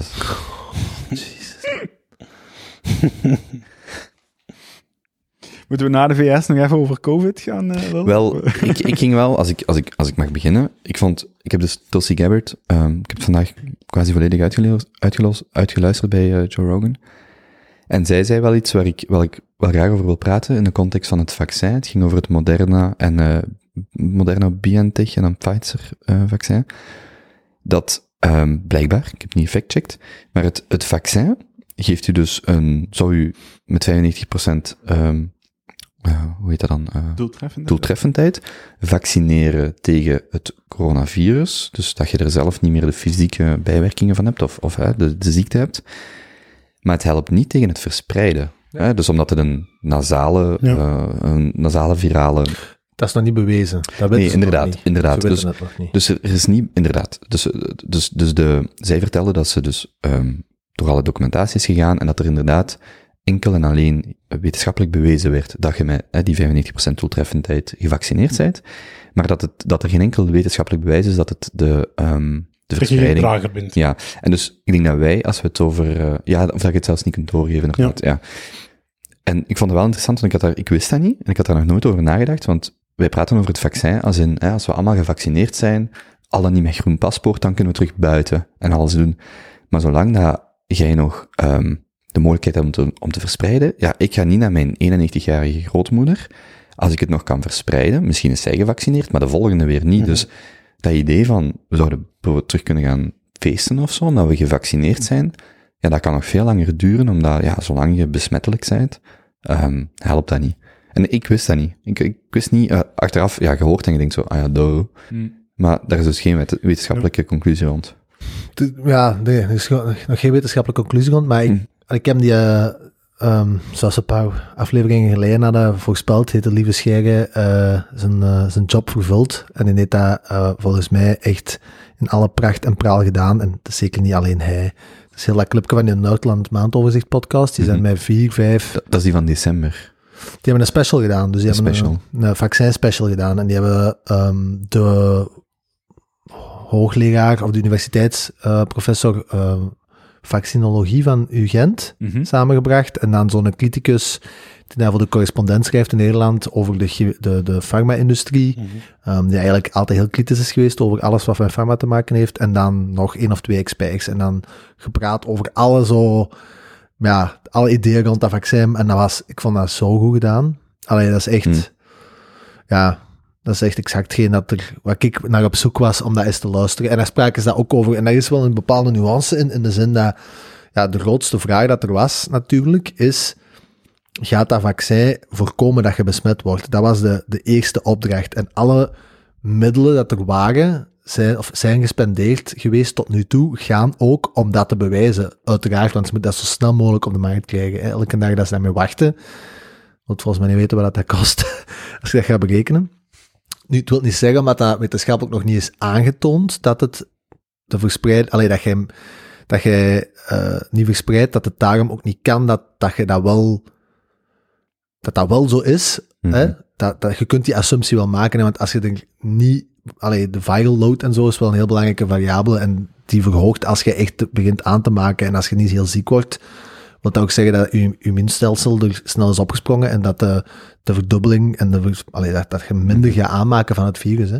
Wil dat daarom zeggen Dus- inderdaad dat je niet meer kunt verspreiden? Dat, dat weten we nog niet. Maar Hè. wil dat dan zeggen, als je symptomen hebt, dat je veel mm, meer verspreidt dan dat je geen symptomen hebt? Voor alle duidelijkheid, ik heb geen enkele medische opleiding gehad. Ik heb begot een paar podcasts gehoord. Maar wat ik het begrijp, is je Ja. krijgt een virus. Eh, dat virus begint zich te vermenigvuldigen. Ehm, en als je dat heel snel kan vermenigvuldigen, omdat je immuunsysteem er niet snel genoeg opspringt, dan zit je met een hogere hoeveelheid aan virus in je lichaam, een hogere viral load. En als je dan niest of je begint met mensen, de hoeveelheid daarvan is wel een factor die dan mee bepaalt Dat zijn de superverspreiders. Het ja, of gewoon, ja, hoe, ja, verspreiding heeft daar wel Ja. zeker iets mee te maken. Ja. Bijvoorbeeld, ze weten ook niet, zwangere vrouwen, geven ze nu nog geen vaccin aan, niet omdat het gevaarlijk zou zijn. Dat, dat heel veel mensen maken dan de conclusie van, oh ja, maar als, ja, als een zwangere vrouw het nog niet mag krijgen, dan zal er wel iets mee mis zijn. Ja. Nee, is gewoon nog niet getest. Ze weten dat het veilig is en dat het voor 95% beschermt bij de gemiddelde mens, maar ze hebben het nog niet getest op vrouwen. En dan willen ze zeker zijn. Dat wil daarom niet zeggen dat het gevaarlijk is voor die vrouwen. Ze hebben het gewoon nog niet getest. Ja, wil ook niet zeggen dat het niet gevaarlijk is, maar inderdaad, er is gewoon geen wetenschappelijke Nee. conclusie. En ze pakken dan het veilige voor het onveilige. Kennen jullie al mensen die gevaccineerd zijn? Persoonlijk? Ja? Ja. Dus ze zijn- mij kinesist. Ze zijn wel bezig nu. Ja, Ja, we zijn al bezig. Wel. Ik denk onze opa ook. ja, ja mijn ja, ook. Bijna, ja. Maar je wordt er wel even slecht van, hè? omdat je immuunsysteem opgewakkerd moet worden, zodat het actief wordt. En, en die verschillende sleutels die het dan binnenkrijgt van het virus, Hm. moet Maar- eh, gaan, gaan, gaan ja, dupliceren zeker. Of, of, of ja, ook wel een, een common misconception. Er zit niks corona in dat vaccin. Hè? Dus klassieke vaccins zijn een kleine hoeveelheid van het virus inspuiten. Dat is bij deze vaccins niet. Maar deze RNA-vaccins zijn op een andere manier werken. En ik heb het maar één keer geluisterd. Ik heb er geen notities van genomen, dus ik ben het eigenlijk grotendeels vergeten. Maar dat weet ik nog wel. Hier zit geen corona-element in dat vaccin. Dus daar moet je geen schrik voor hebben. Oké. Maar je ziet nu wel in Israël waar 60% van de bevolking reeds Dat gevaccineerd is. Is al 60? 60%. Nee, ik denk 60% van iedereen boven de 60 jaar of zo. En dan denk- 30, 35% Ja. van de totale Ik bevolking. wou 35 zeggen was het Ja. laatste dat ik van de algehele bevolking. Maar daar zie je dus, omdat er daar al een hele grote bevolkingsgroep is die eigenlijk het gevoel heeft dat ze terug naar buiten mogen, dat daar ook de cijfers terug enorm beginnen te pieken. Ah, echt? Dat er enorme opstoten zijn op dit moment. Ja, dan de varianten en de mate waarin dat die weer, dat het vaccin al niet helpt tegen de Britse, Voorlopig Zuid-Afrikaanse. Voorlopig blijkt het... Maar dan die Braziliaanse weer niet, zo gezegd. Ja, maar ja, goed. ja. Ik zat wel deze week nog te denken, ik denk dat ik het jullie al verteld heb, als het ervan uitgaande, of stel, de hypothese is, dit jaar is gelijk vorig jaar, als in de zomer frank en vrij, relatief frank en vrij. En dan tegen de herfst begint je weer te horen van, ja goed, we moeten terug in lockdowns, of er is een mutatie. Om dan echt gewoon zo een tijdje, een paar weken of zo, januari, februari, naar het zuiden te gaan. Ik vind dat echt, ik vind het, het weegt, misschien dat wat het hardste weegt is, dat we eigenlijk al van 1 november in een verstrikte lockdown zitten, of hoe je het ook wilt noemen. En dat zelfs 1 maart is wanneer dat, wanneer dat, stopt. En dat lijkt zo oneindig of zo. Want ik geloof in Frankrijk zouden al de restaurants en de bars tot met 6 april, was aangekondigd, sowieso dicht blijven. Dus stel, dat is gewoon een hypothese, maar stel dat hier ook 1 april, eh, we zeggen nu 1 maart, maar goed, eh, pak 1 april, ehm, of als het weer veel beter is, misschien iets vroeger, in de maand april, maar dat is zelfs een half jaar, hè? Dat is, ah, ik bedoel, van 1, 1, van 1 november, 1 april is dan vijf maand. Ik vind wel dat je merkt dat de maatschappelijke ondersteuning ervan begint sterk te verminderen. Tuurlijk. merk ik langs alle kanten. Ook omdat ik vind dat er iets mis begint te gaan in de communicatie er rond. Eh, Vind je dat er nog veel communicatie is, überhaupt? ja, ik volg het zeker Of het- niet. Ik, zit niet. ik ben niet iemand die elke dag op de redactie zit of op... Allee, ik, ik Maar heb je het gevoel maar- dat het u nog bereikt? Zo de, ik heb het gevoel dat hoe langer het jaar, allee, hè, dus sinds maart, hoe langer het vordert, hoe minder dat er zo eenduidige communicatie bij mij komt. Ik denk in het begin keek je veel meer die persconferenties en Ja. nu is het zo, een, je stelt zo uit die, uit die mozaïek van nieuws, stelt, je, stelt iedereen een beetje zijn eigen dingen vast. Terwijl daarvoor, in het begin was dat veel eenduidiger, precies, van dit Maar wij zijn de leefden, regels. wij leefden toen ook van, van persconferentie naar conferentie of Ja. van, van vergadering, maar nu is dat niet meer. Nu is dat, vandaag is er weer iets nieuws afge, af- afgekondigd dat zomerkampen met jongeren tot tien, eh, of campen met jongeren tot tien personen wel mag. Ik weet niet, wisten jullie dat al of niet? Nee. Dus daar straks bijvoorbeeld ook aangekondigd dat je niet meer naar het buitenland mocht. Hè? Maar als je een partner hebt Dat in was het wel buitenland. aangekondigd? Ja. Ah, Ja, sorry, maar ja, dus- sorry, sorry. Je moogt nog naar, het, naar je partner in het buitenland. Maar dan moet je aan de grens kunnen aantonen dat je al een langdurige en duurzame relatie hebt met die partner. Ja. Ah. En dat is ook een verklaring op Ja. eer, hè? dus dat is eigenlijk gewoon een blad waar dat je dat verklaart, maar dat wil eigenlijk niks zeggen. Hè? Dus, Ja. dus je kunt dat ook niet controleren, dus eigenlijk is dat weer... De, re- de regels zijn gewoon nog altijd niet helder en duidelijk. Nu het, Altijd zo ja. Het zijn echt te veel. grijs. Het zijn echt te En veel. dat maakt het lastig. En Maar er ik is vond geen wel gedragenheid meer. die Fouad Gandoel zat in de, in de afspraak vrijdag en die zei dat zo van, ook in de hiërarchie, de juridische hiërarchie, eh, ik ben geen jurist, maar dat je begon eh, helemaal boven de grondwet en dan de, kon- de, de wat is het, heel die hiërarchie, en dat de ministeriële besluiten, die eigenlijk vandaag gehanteerd worden, dat dat helemaal van onder staat. Ja. En dus ook gewoon dat grondwettelijk punt van als je, en ik denk, want ik was erover nadenken voor mijzelf, ik ben geen jurist, dus die, of dat nu een ministerieel besluit is, maakt eigenlijk minder uit, maar je creëert wel een situatie waar alles wat je beslist wordt heel makkelijk aangevallen, want het is maar een ministerieel Ja, besluit. maar dat is, dat is net en dan, en als burger, snel- als zeg je dan, ja, maar dit is de grondwet, ik mag die niet volgen, je hebt een ministerieel besluit, over twee maanden wordt misschien ingetrokken, Ja. en dat dat heel hard begint te wegen, want misschien zeggen ze over twee maanden, ah ja, dan reizen naar het buitenland, dat was een foute beslissing, ja, maar wat moet je nou doen? Maar dat is je? logisch, hè? je kunt de grondwet niet op een, op een week veranderen, maar wel een, een ministerieel besluit. En een B kun je wel heel snel Ja, je inzetten. kunt een pandemiewet maken. Waar, dat je toch een bepaald, dat je tenminste naar je bevolking zegt, dit is, dit is wat we gaan doen in de volgende pandemie, of eh, deze nog. Maar nu is het allemaal zo ad hoc en dan dit en dan dat. Kunnen En ze, ze kunnen dat niet kopen. Dat is een, dat is een, eh, een utopie wat je zegt. Hè? Waarschijnlijk. Dat is ook omdat ik er niks aan ken. Maar ik denk dat dat wel te maken heeft met, ze beslissen iets, dat wordt direct aangevallen door allerlei grondwetspecialisten en anderen. Ja. En bij de burger, bij mij, heeft dat zo het gevoel van, ja, er wordt maar, er wordt geschoten, op, hè, dus vanuit de regering, op verschillende dingen, we gaan dat zo, zo, zo doen. Maar je voelt gewoon dat die de teugels ook niet ja, kwijt zijn of niet in handen hebben, of hoe je dat ook wilt benoemen. En, en bij de burger creëert dat zoiets van, ik doe mijn ding en, en ja, we zien wel. Ja. Maar het is ook moeilijk, hè. Allee, vind ik persoonlijk dat... Allee, ik had het er straks met iemand over. En in die eerste lockdown was dat zo heel duidelijk. Het was heel duidelijk. Flatten the curve. We mogen niet zien dat de, moeten zien dat de ziekenhuisbedden niet worden overbelast. En dat, dat, dat was duidelijk. Ja, omdat we wisten, binnen twee maanden gaan ze het over zijn en kunnen we terug naar buiten. Hmm. Maar niet noodzakelijk dat, dat was ook een heel duidelijk doel.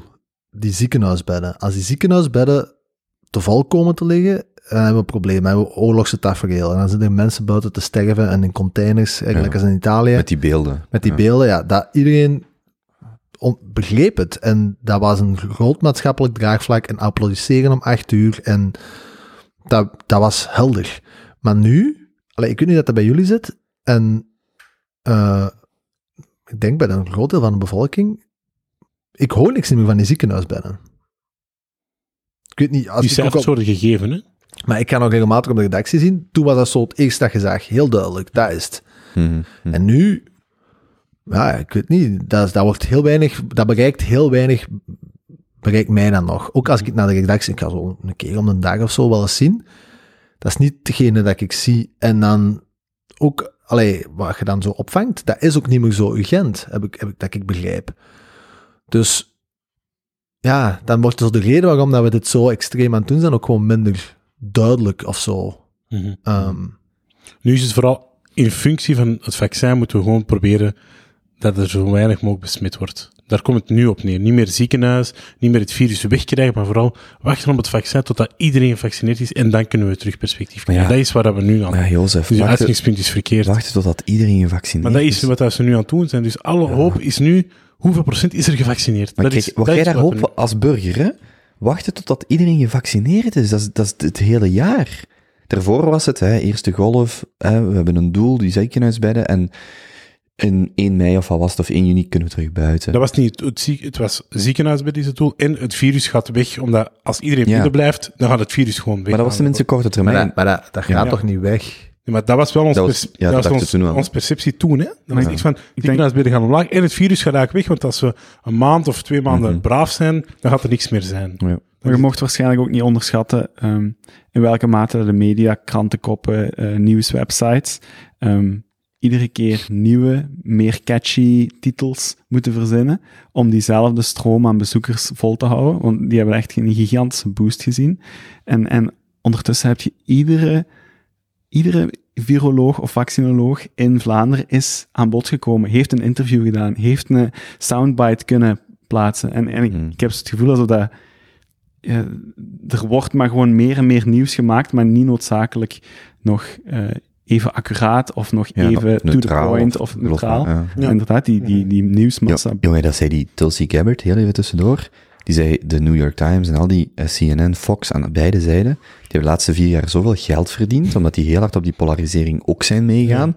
Nu gaat er veel minder om te polariseren zijn. Ja, dus die maar- zitten daar nu ja. ook met de hand in het haar van, waar gaan wij over bericht geven om toch die advertentie in... En dat sluit eigenlijk aan bij wat je zegt van, die, er is een grote incentive om toch net iets weg te gaan van die nuance, want ja, we hebben die inkom, ja, we willen onze redactie toch kunnen betalen, of zo. En dat is gewoon, eh, dat, dat perverse idee dat, dat, dat je eigenlijk, dat, dat is geen bondgenoot of zo, daarin. Of geen neutrale bondgenoot. Ja. Ja, ik vind, ik heb het, ja, ik, ik, ik ben maar de hele tijd aan het denken, hè. wij zitten hier met ons vier, hè. ons werk is er niet door aangetast, hè. maar zij is die een horeca-uitbatergang, Hm. zij is die kapper, zij is Fansector. Tuurlijk. die eventsector, manneke, dat is niet te doen, hè. Dat is toch niet, allee, Ja, en, Tuurlijk. en eerste lijns hulp, eh, de, de verplegers, de dokters. ja, Want die hebben dan hun werk nog, maar Wat vinden jullie van de Nederlandse overheid die nu de lockdown om negen uur s'avonds opheft? Maar dat is echt net van- aangekondigd. Dat is echt, een, een- toen ik in de auto zat, eh, kwam het bericht eh, langs. Ja. En wacht, wat is het idee daarachter? Er zijn veel... Ik zag dat er Dat protesten gaat over de protesten gewoon omdat ze dat niet meer aan kunnen. Omdat ze de, de mobiele eenheid heeft, heeft de jongeren en de mensen niet meer onder controle. En er worden onderlinge, dat vind ik wel boeiend, burgermilities gevormd. Ja. Om zichzelf te beschermen. Dus eigenlijk is dat land die elke, bijna in burgeroorlog aan het geraken. nee, maar om negen uur, Ja. En Het gewoon, ik blijf daarbij. Hè. Ik, ik heb, ik maanden geleden ook gezegd. En ik ben op sommige punten echt veranderd. Zoals dat, eh, dat wat ik zei, mea culpa. Dat was ik helemaal fout van het begin. Ehm, maar het idee van een avondklok vind ik nog altijd inherent fout. je moet communiceren niet in groepen van meer dan twee mensen vanaf een bepaald uur. Dat is oké. Maar tijdens Wereldoorlog 2 is er bijvoorbeeld een avondklok geweest van een, van, van, van een half jaar. Maar we hebben het er toen over gehad voor de podcast. En dan was de reden waarom die avondklok bestaat, is omdat het gewoon makkelijk te handhaven is. Punt. Er is gewoon niemand op straat. Punt. Zo simpel is Maar, dat. maar sinds wanneer worden wettelijke of grondwettelijke zaken veranderd omdat het makkelijker is om te handhaven? Sinds. Dat leidt toch naar vuile...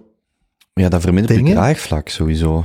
Je kunt wel zeggen, het is juridisch handig Ja. of makkelijk, maar je draagvlak, en dat is in Nederland er helemaal niet, of op, op- veel minder eh, voor, voor de avondklok dan, dan bij ons bijvoorbeeld. Hier komt niemand op straat. Nu, negen uur is ook wel... ex- Allee, Ja, als je ja. dan niks gaat, ik weet niet of ze al een avondklok hadden. In andere, in andere steden.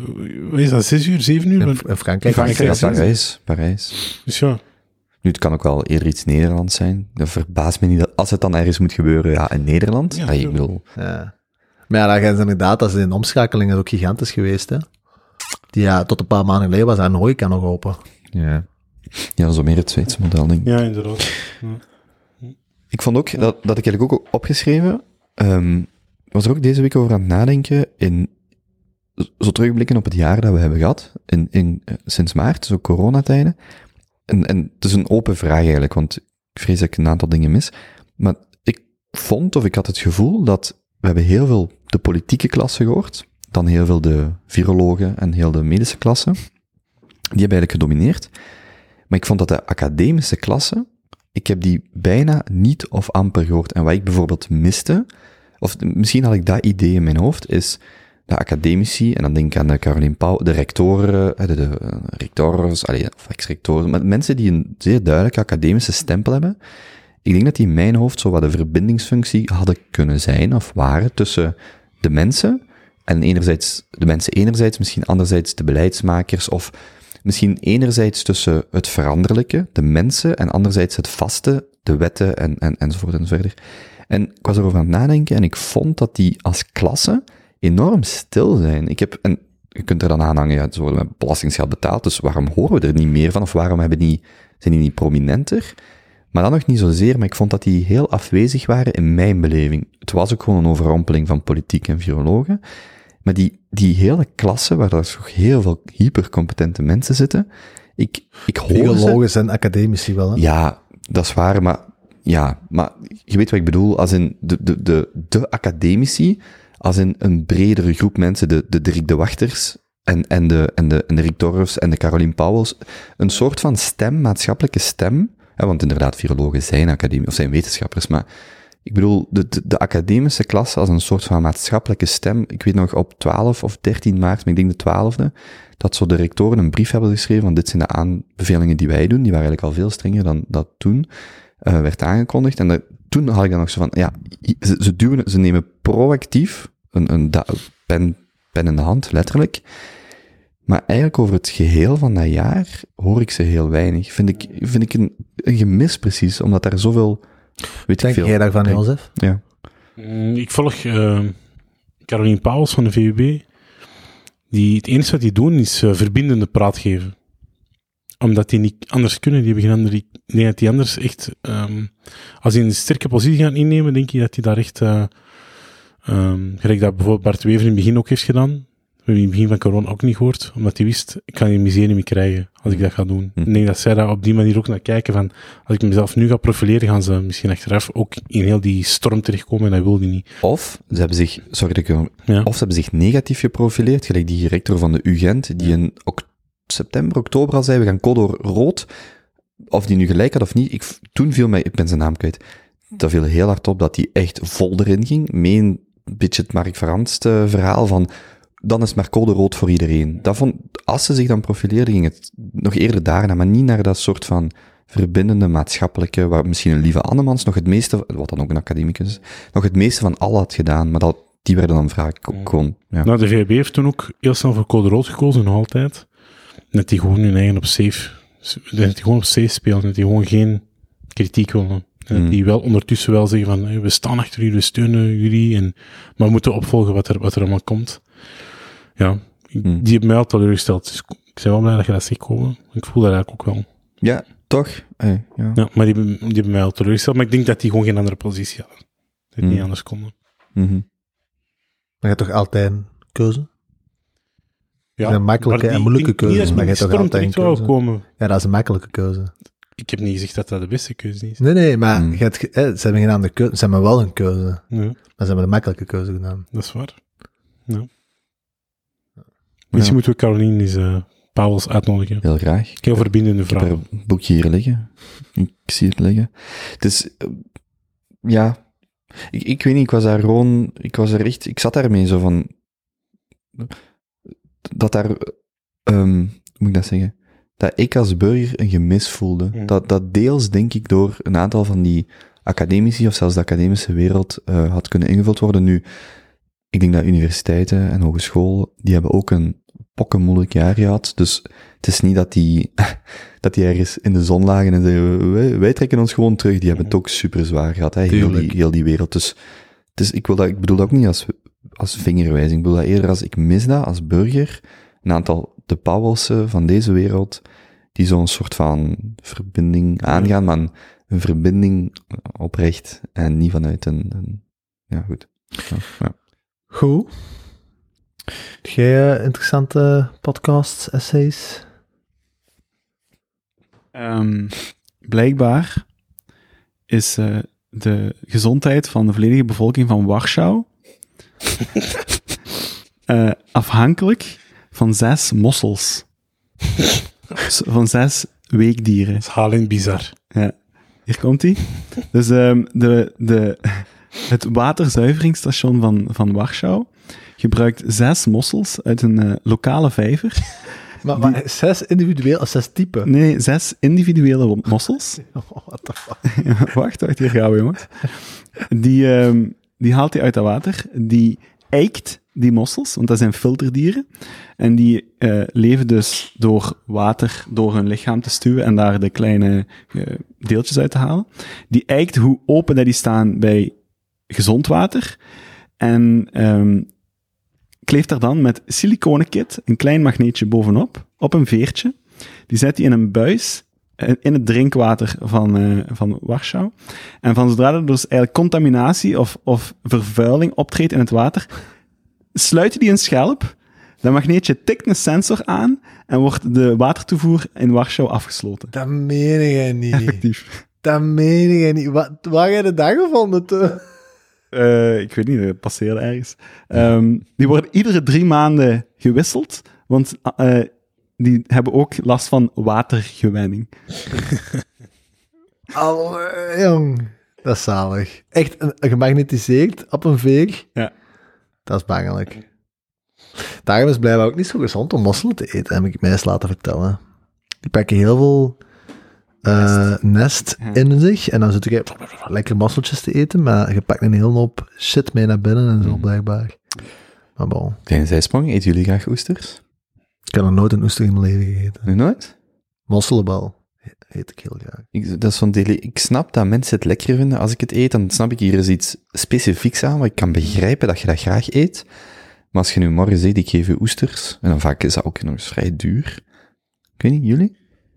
Dat is goed als de zon schijnt en er staat een glaasje champagne bij en je zit met vrienden en je kunt er zo'n Mm. paar eten. Maar zo echt al een oesters, oesters als maaltijd? mm.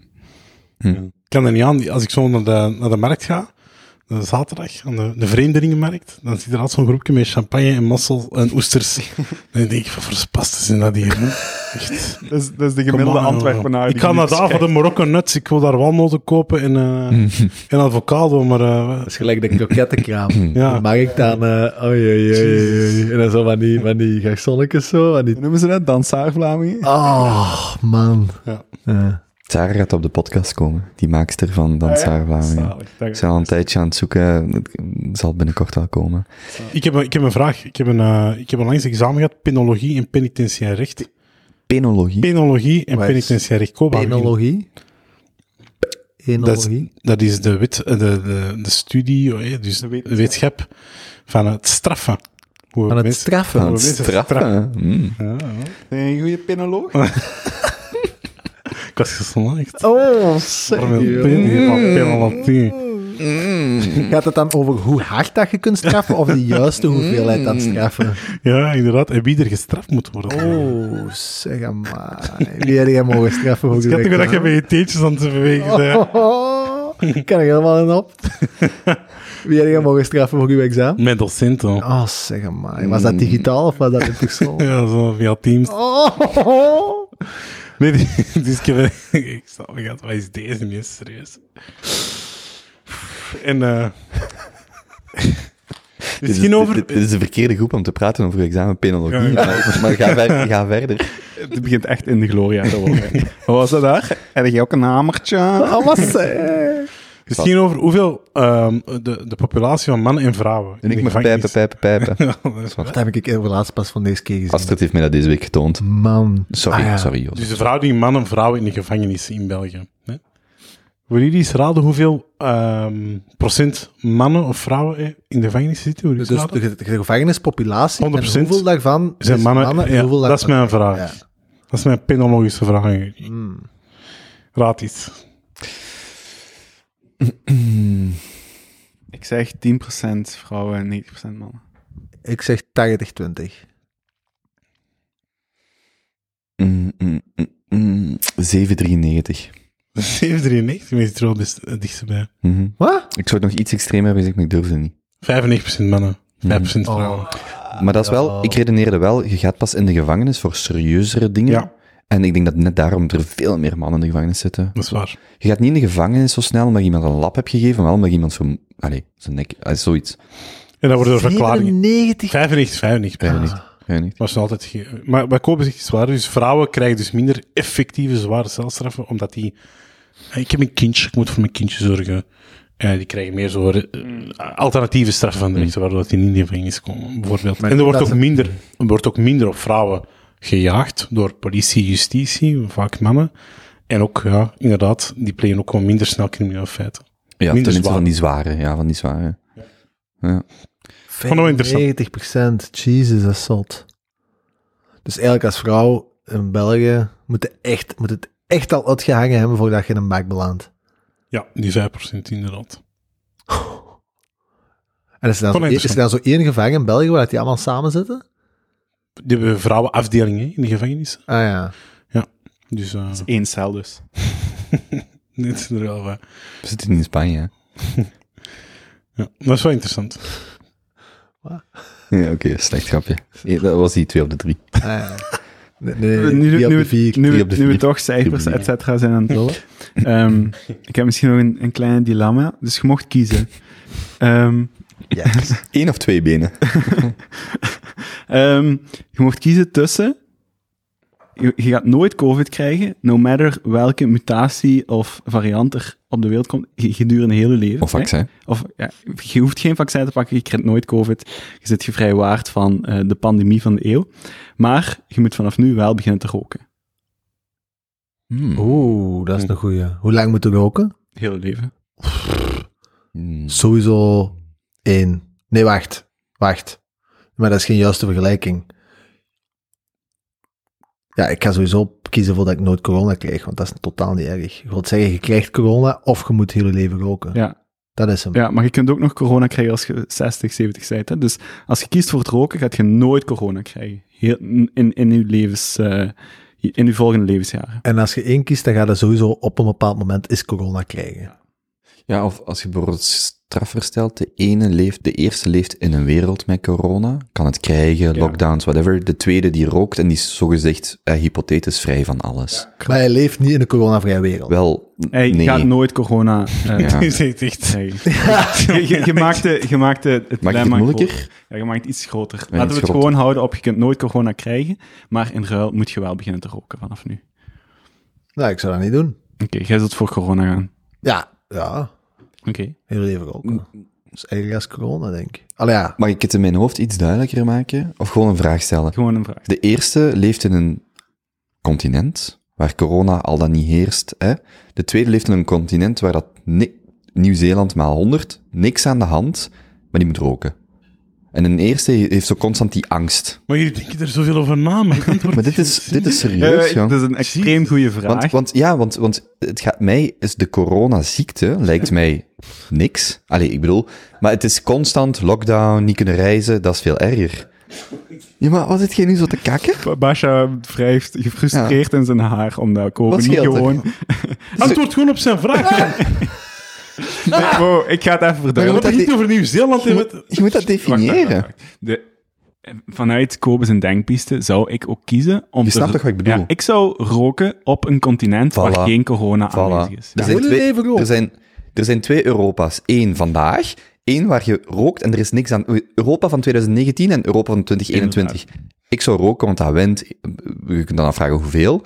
Maar dit, een heel leven, van lockdown naar lockdown en niet mogen reizen en niet... Ja, maar wacht, ik ga, ik ga zelfs alles verduidelijken met nog een cijfer.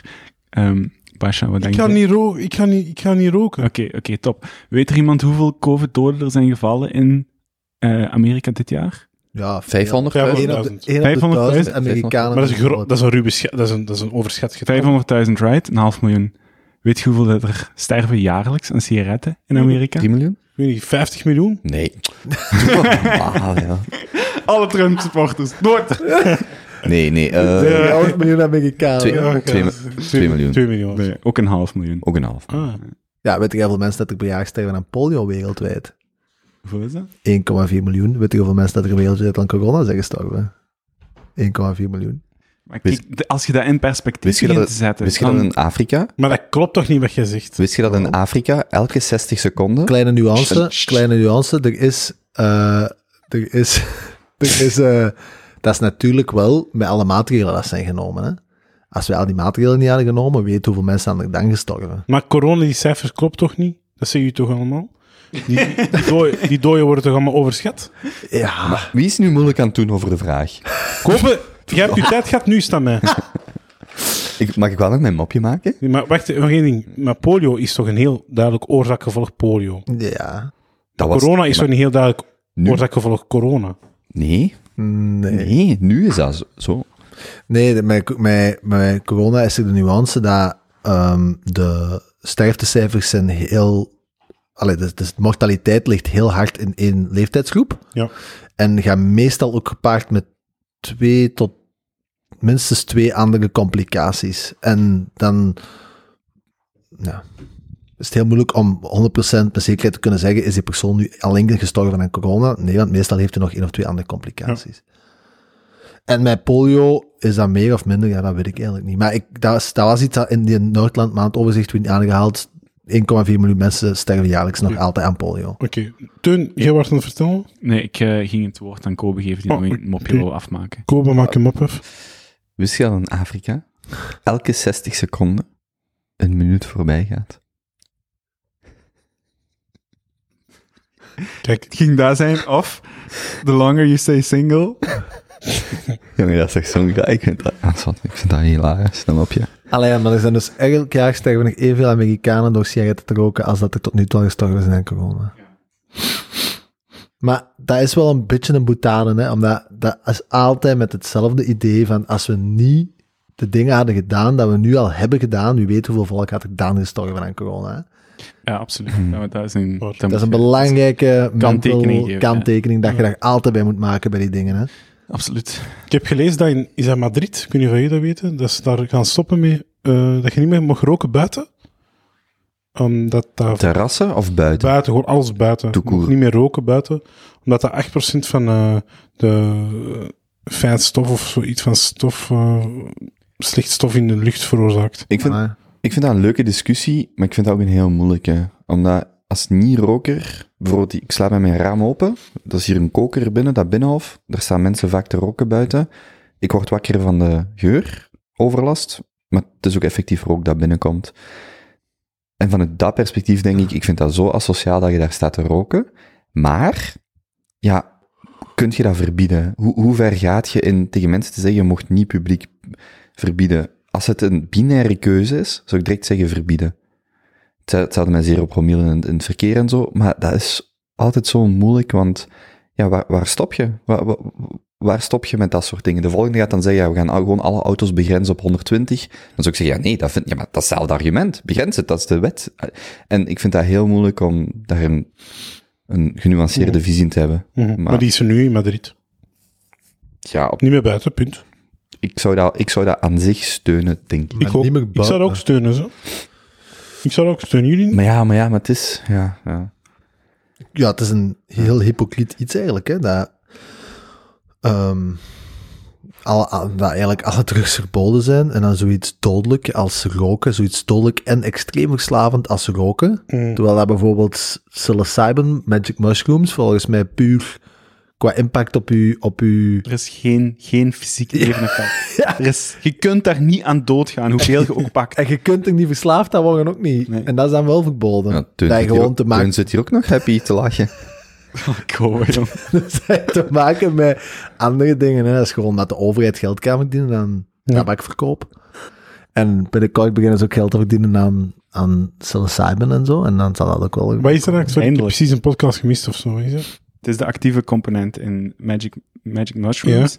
En die heeft eh, extreem veel helende krachten, blijkt nu uit tests, om ehm, langdurige depressies op te lossen. Ehm, mensen eh, met, met post-traumatic stress disorder door hun trauma's heen te helpen. Ehm, en die zitten nu in fase 2 of 2 van klinische tests. En er zijn een, een hoop eh, Amerikaanse en Europese bedrijven die van plan zijn om dat naar de markt te brengen als eh, een van de last resorts voor, voor ehm, Hm? depressies. Zo interessant. Weet je, Ja. ik, ik heb dat ooit iemand horen uitleggen, dat ging over PTSD. Bij Amerikaanse soldaten hadden ze een test gedaan. Ja. En wat het die psychiater uitlegde is, als wij onze traditionele therapie doen, het probleem is dat in PTSD, in deze, in deze traumatische ervaring, mensen gaan altijd terug naar die ervaring. Je ziet dat niet van vandaag het overleefd te hebben. Je ziet nog steeds dat kind overreden worden door een tank. En je gaat altijd terug naar die traumatische ervaring. Die ehm psychedeelse drugs, die stellen u in staat om dat van op een soort van afstand te zien. Ja. En te zien van, ik kon niks anders doen Ja. dan dat. Ik Ja. moest dat kind een kogel door zijn kop schieten of mijn drie kameraden waren dood. Ja. En, die, en in de traditionele therapie kun je dat gewoon niet. Je gaat altijd terug in dat trauma en je kunt daar niet uit geraken. En met die, met die experimentele therapieën lukt dat wel. En dan, en dan gaat je echt naar cases. Vent rammelt al twintig jaar in zijn slaap zijn vrouw af. Allee, ik bedoel, eh, Ja. fysiek, omdat die PTSD... Goed voorbeeld, maar nee, nee, maar, maar effectief, hè. Ja, ja. Uit PTSD begint hij gewoon te schreeuwen, te krijsen, te janken in zijn slaap, te slaan. Twee weken die, die therapie en bij 60 à 70 procent weg. Dat, die cijfers zijn het soms. Hè. Dat is echt, dan zit je naar, naar te kijken en denk je, waarom proberen we dit tenminste niet op grotere schaal? Ta- 80% van alle rokers die willen stoppen en die met behulp van een, een psilocybin sessie en, en begeleidende coaching, et cetera, ehm, dat aanvangen, hè, het stoppen van, van roken, Ja. 80% slaagt daarin. Tegenover bijvoorbeeld nicotine stickers. En is dat nu al op de markt al? Of nog niet? Ehm, nee. Kunnen wij daaraan geraken? Nee, het zijn enkel... Je kunt daar aangeraken. dat is niet legaal. Ja. Allee, ik weet eigenlijk niet, als je in België wordt opgepakt, dat je het wat champignon in een zaak zetten. Nee, dat is legaal. Het bezit, sorry, het bezit is illegaal, maar er is een gedoogbeleid ehm, als je ermee in de problemen komt. Stel dat je naar spoed gaat, ze gaan je wel behandelen. Daar, daar is een gedoogbeleid. Maar het bezit is illegaal. Wat dat harddrugs is. Interessant. Ik vind wel, eh, je hebt dat ook eens op de podcast gezegd, nog steeds een zalig businessmodel. Dat is echt iets ook wat ik mis. Een bedrijfje dat floating tanks in Antwerpen uitbaat of beheert. Ik ben Alsjeblieft. dan al, ik ben dan al letterlijk, geen, zwaans, Ik pak ik een ben dan al zeven jaar aan het proberen dat iemand daarna eens gewoon opstart. Mhm. Ik snap dat niet. In Antwerpen, dat is nu toch de meest Vlaming stad van heel Vlaanderen. En hier is gewoon geen bedrijf met floating tanks. Of alle soorten van cursussen rond meditatie. Niet in een s- hippie-commune, maar in een 21st century setting. Dat abonnementsformule erbij. Gewoon eigenlijk de fitness voor uw, voor uw brein. Dat. Ik ga dat- Jong. Oeh, vierde dimensie. Boa Living kan dat opstarten. Ja, Bouw, echt al lang. bouw smoking. Maar echt met zo'n strak interieur en een app erbij voor jouw dingen te reserveren, voor jouw tank te reserveren. Zo echt de whole yuppie treatment, hè? Alles Oh, erop jong, en eraan. ik zou dat echt doen. Ah, Floating tank. my. Floating Tank, ik heb dat gedaan, hè. Echt? Ik heb dat gedaan in Limburg. Mhm. Ik ook al een paar. Waar? Ik weet niet waar, ergens in Limburg, maar ik kon daar een kwartier in zitten, ik moest eruit. Ik ook. Ik had juist zelf. Ik moest er echt keer. En toen zei die, die, die man zei tegen mij, zit jij in de politie of in het leger? Ik zeg, ja, die, die, ja, die man houdt dat nooit vol hier, die gaan er direct uit, die hebben te veel meegemaakt. Wat? Echt? Ja, ik kon een kwartier, ik was echt, ik moest eruit. Ik werd echt zot. Ja, ik had dat ook zo'n eerste Ja? keer. hè. Maar dat is super raar. hè. Dat is een eerste keer sinds dat je geboren bent, dat je brein geen zintuigelijke prikkels heeft. Hè. Hmm. Dat, is, dat, dat is echt, nou, je brein is echt, what the fuck, ik ben aan het sterven. Maar je Dus voelt toch nog iets? Je gaat zo liggen in zo'n... Nee? Ja. Ja, maar ik, je, je voelt dat water nog, Je je voelt niks. zout in je Je- ogen, je voelt... Ja, oké, maar dat is wel, allee, je ziet niks, je hoort niks, je voelt niks. Want je, je zweeft, dus dat is ook super raar. Hè? En de eerste keer dat ik dat deed, zo aan mijn nek, ik weet niet of je dat ook had, Pijn, hè? dat deed pijn, hè? Want je, je, je, je, je ligt op water. Dus dat is echt, je lichaam is ook echt zo, oh fuck, wat ben ik hier Maar het doen? misschien moeten we even kaderen voor de mensen die dat niet kennen. Ja. Ja, dus een floating tank is een, eh, een meestal in de vorm van een ei, ehm, een plastieke Paarmoeder. Baarmoeder. Kijk, je- zo'n tank dat je op je auto doet als je gaat skiën. Ja, Een doodskist dus. Hè? Ja. ja, Nee, het is, het is Maar een uit de grondig. kluiten, uit de kluiten gewassen eh, tube. ja. En daar, daar zit water in dat de een hoeveelheid aan zouten heeft, eh, waardoor dat je daarop kunt drijven. En dan komen de extra variabelen, dat je kunt dat dicht doen, zodat je niks meer ziet. En dan de eerste vijf minuutjes zijn ze nog een Maar beetje schemering is en dan maar- gaat dat weg. Dat water is maar... Hoeveel? 5 centimeter? ja, Een, 10, een laagje van 10, 15 centimeter. Dus maar Maar jullie zijn echt naar een crappy floating tank geweest. Nee, dat was dik in orde. Dat was in zo'n hof, ja, maar dat was proper. Wat het best, er is een hele goede in turnout. En daar is dat geen tube, wat dat super claustrofobisch is, maar echt een hele kamer. en het is vier vierkante, of vier kubieke, zes kubieke meter waar je in ligt. Dus je hebt heel veel ruimte, waardoor dat je niet dat claustrofobisch gevoel hebt. En hij heeft ook een sterrenhemel en heel de zeven. Nou ja, maar dat gaat ook een deel van het effect. Ja, dat zijn ook effecten, hè. Dat zijn ook Je wilt, juist, je wilt juist in je pikken donker liggen. Ja. En dat, dat je nu in je, Dat gaat ook. Je kunt, Ah, dat, ja. je kunt dat donker zetten, maar dat heeft niet zo dat claustrofobische. maar hoe raar is dat, Kijk. dat in Turnhout en in, in zo'n hof van een gast in de Limburg zo'n tanken staat Waarom kan niemand- heel Antwerpen centrum Waarom kan één. niemand toch definiëren waar in Limburg? Is dat gewoon Limburg? Maar Limburg is toch gewoon Limburg, man. Je gaat- door de bossen, je ik denk Hasselt. Ik denk dat dat Hasselt was. Hasselt. Nee, nee, Dank, Hasselt. Nee, Hasselt. Genk, Nee. Genk, oh. Oké, Moet ik, dat- ik zal het even opzoeken. los Maar dat is bij- daarvan. In, in iemand zijn huis en dat kost zo'n 90 euro, denk ik, voor nu. Dat is echt 90 keiveel. euro? Dat is echt, kost echt keiveel. Turnhout is 60. En jij moest daar dan een kwartier uit. Ja, ik kon dat. Amai, dat doet mij aan Braziliaanse maat denken. Je zit toch al aan zoek naar een business? Ja. Start dat is, ja? Hoi, jong. Ik, ik investeer. Oké, we zullen straks Hey, dat mij, deed mij aan een Braziliaan. Dus je betaalt 90 euro, zit dan een kwartier buiten. Ja. Braziliaanse maat. Dus ik, eh, als ik 18 ben, woonde ik in Brazilië. Twee jaar daarna stuurde een maat mij. Die zegt, Koop, ik doe een, een reis in Europa. Ik ben 100 euro aan het sparen voor de... Of ik heb 100 euro gespaard voor de hoeren in Amsterdam. voor eh, Red Light District. Ik heb, nee, die kwam daarna naar mij. Ik heb me kapot gelachen. Die begint te vertellen, eh, of 50 euro. Je gaat naar Red Light District. Je gaat daar bij Mieke binnen. En Mieke zegt, ik zeg maar... eh, je mocht mij eh, een half uur poepen voor eh, vijf- 50 euro. Ja, simpel. Die gast is aan het vertellen. Pedro heet het niet. Die is aan het vertellen. Pe- Pedro. Pedro. Pedro. Pedro. Heel grappig. Pedro. Nee. Zalige gast. Wat was het probleem? Omdat hij daar zo naar uitkeek, dat hij, hè, dus hij had een half uur of 50 euro. En hij zegt, ja, kom, eh, ik keek daar zo naar uit. Ik had me al een paar dagen niet meer gerukt. Ik begin daarmee. Binnen de drie minuten schiet ik heel mijn lading erdoor. En die hoer, zegt hij, of die prostituee, dat is een Nederlands, die zegt, eh, meneer, dat was het, je kunt vertrekken.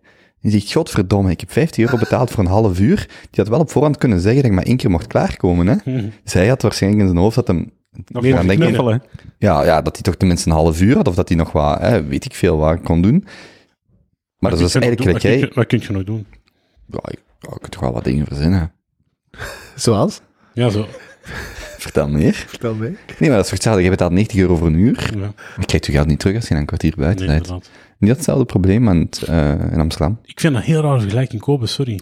Het feit dat je betaalt voor een volledige sessie, maar door je eigen falen heb je er maar een stukje van, maar je betaalt wel volle prijs. Ja, ja. Dat is toch geen fijne situatie? Zij heeft 15 minuten in een floating tank. Ja, voor 90 euro. Voor 90 euro, ja. Dat is 270 euro per uur dat jij betaald hebt. Dat is toch... Ja, is wat. Ben ik, de, Ik- ben ik de enige die... Hey, dat is toch niet fijn? Als je... Je betaalt 50 euro voor een Ja, maar half uur. wel zijn reservatie kwijt. Hè? Na drie minuten... Dus geen, maar de vergelijking is niet 100% correct. De prostituee gaat terug achter het raam zitten en die kan Ja, die later een nieuwe klant. Ja. Die gast zijn bad is wel verhuurd voor een uur. hè. Ja, dat is wel waar. Dus, dus eigenlijk had die maat van mij wel een stukje van zijn geld kunnen terugkrijgen voor de tijd dat hij het niet gebruikt heeft. Die prostituee kwam verder aan het werk. ervan af hoe dat de Bij niet. prostituee, die had er, eh, die had er randvoorwaarden of er... eh, die Algemene voorwaarden. Ja, die had anders moeten verwoorden. Hè? Dus een half uur of één keer schieten. Klaar. Ja, dus het was één keer schieten buiten, maar dat had hij niet door. Oké. Ik heb nog wel een goed floating tank verhaal. Ehm, dus ik ga ene, eerste of tweede, ik denk tweede of derde sessie. Dus je ligt er dan een uur. Ehm, ik mediteer wel, dus dat, dat, dat gaat dan goed. Hè. Je kunt in extra diepe meditatie raken, jee. Ehm, maar je krijgt dan ook altijd zo een, een, een cirkeltje dat je onder je hoofd legt, waar dat je hoofd eigenlijk op rust als jij in dat zoutbad eh ligt te zweven. Dus na een uur eh, gaan die lichtjes terug aan en moet je eigenlijk zo wat- moet je terug ontwaken.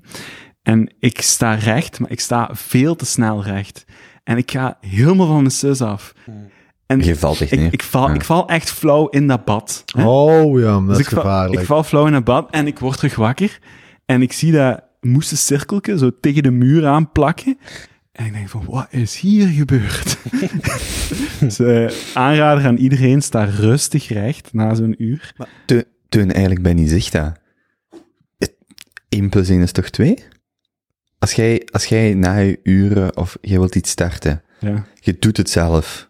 Wij doen het zelf graag. Ah, Ik heb dat nooit Je wilt gedaan. gewoon Ik de. Junto floating tank. Ja, maar, allee, nee, dat is gewoon, als je, de, als je iets, in iets wilt ondernemen en het is toevallig iets wat je zelf heel waardevol vindt, ik, ik weet natuurlijk niet in deze Het is wel tijd geen corona. business die dat je een van kunt doen, hè. Nee, maar moet dat, moet dat per se?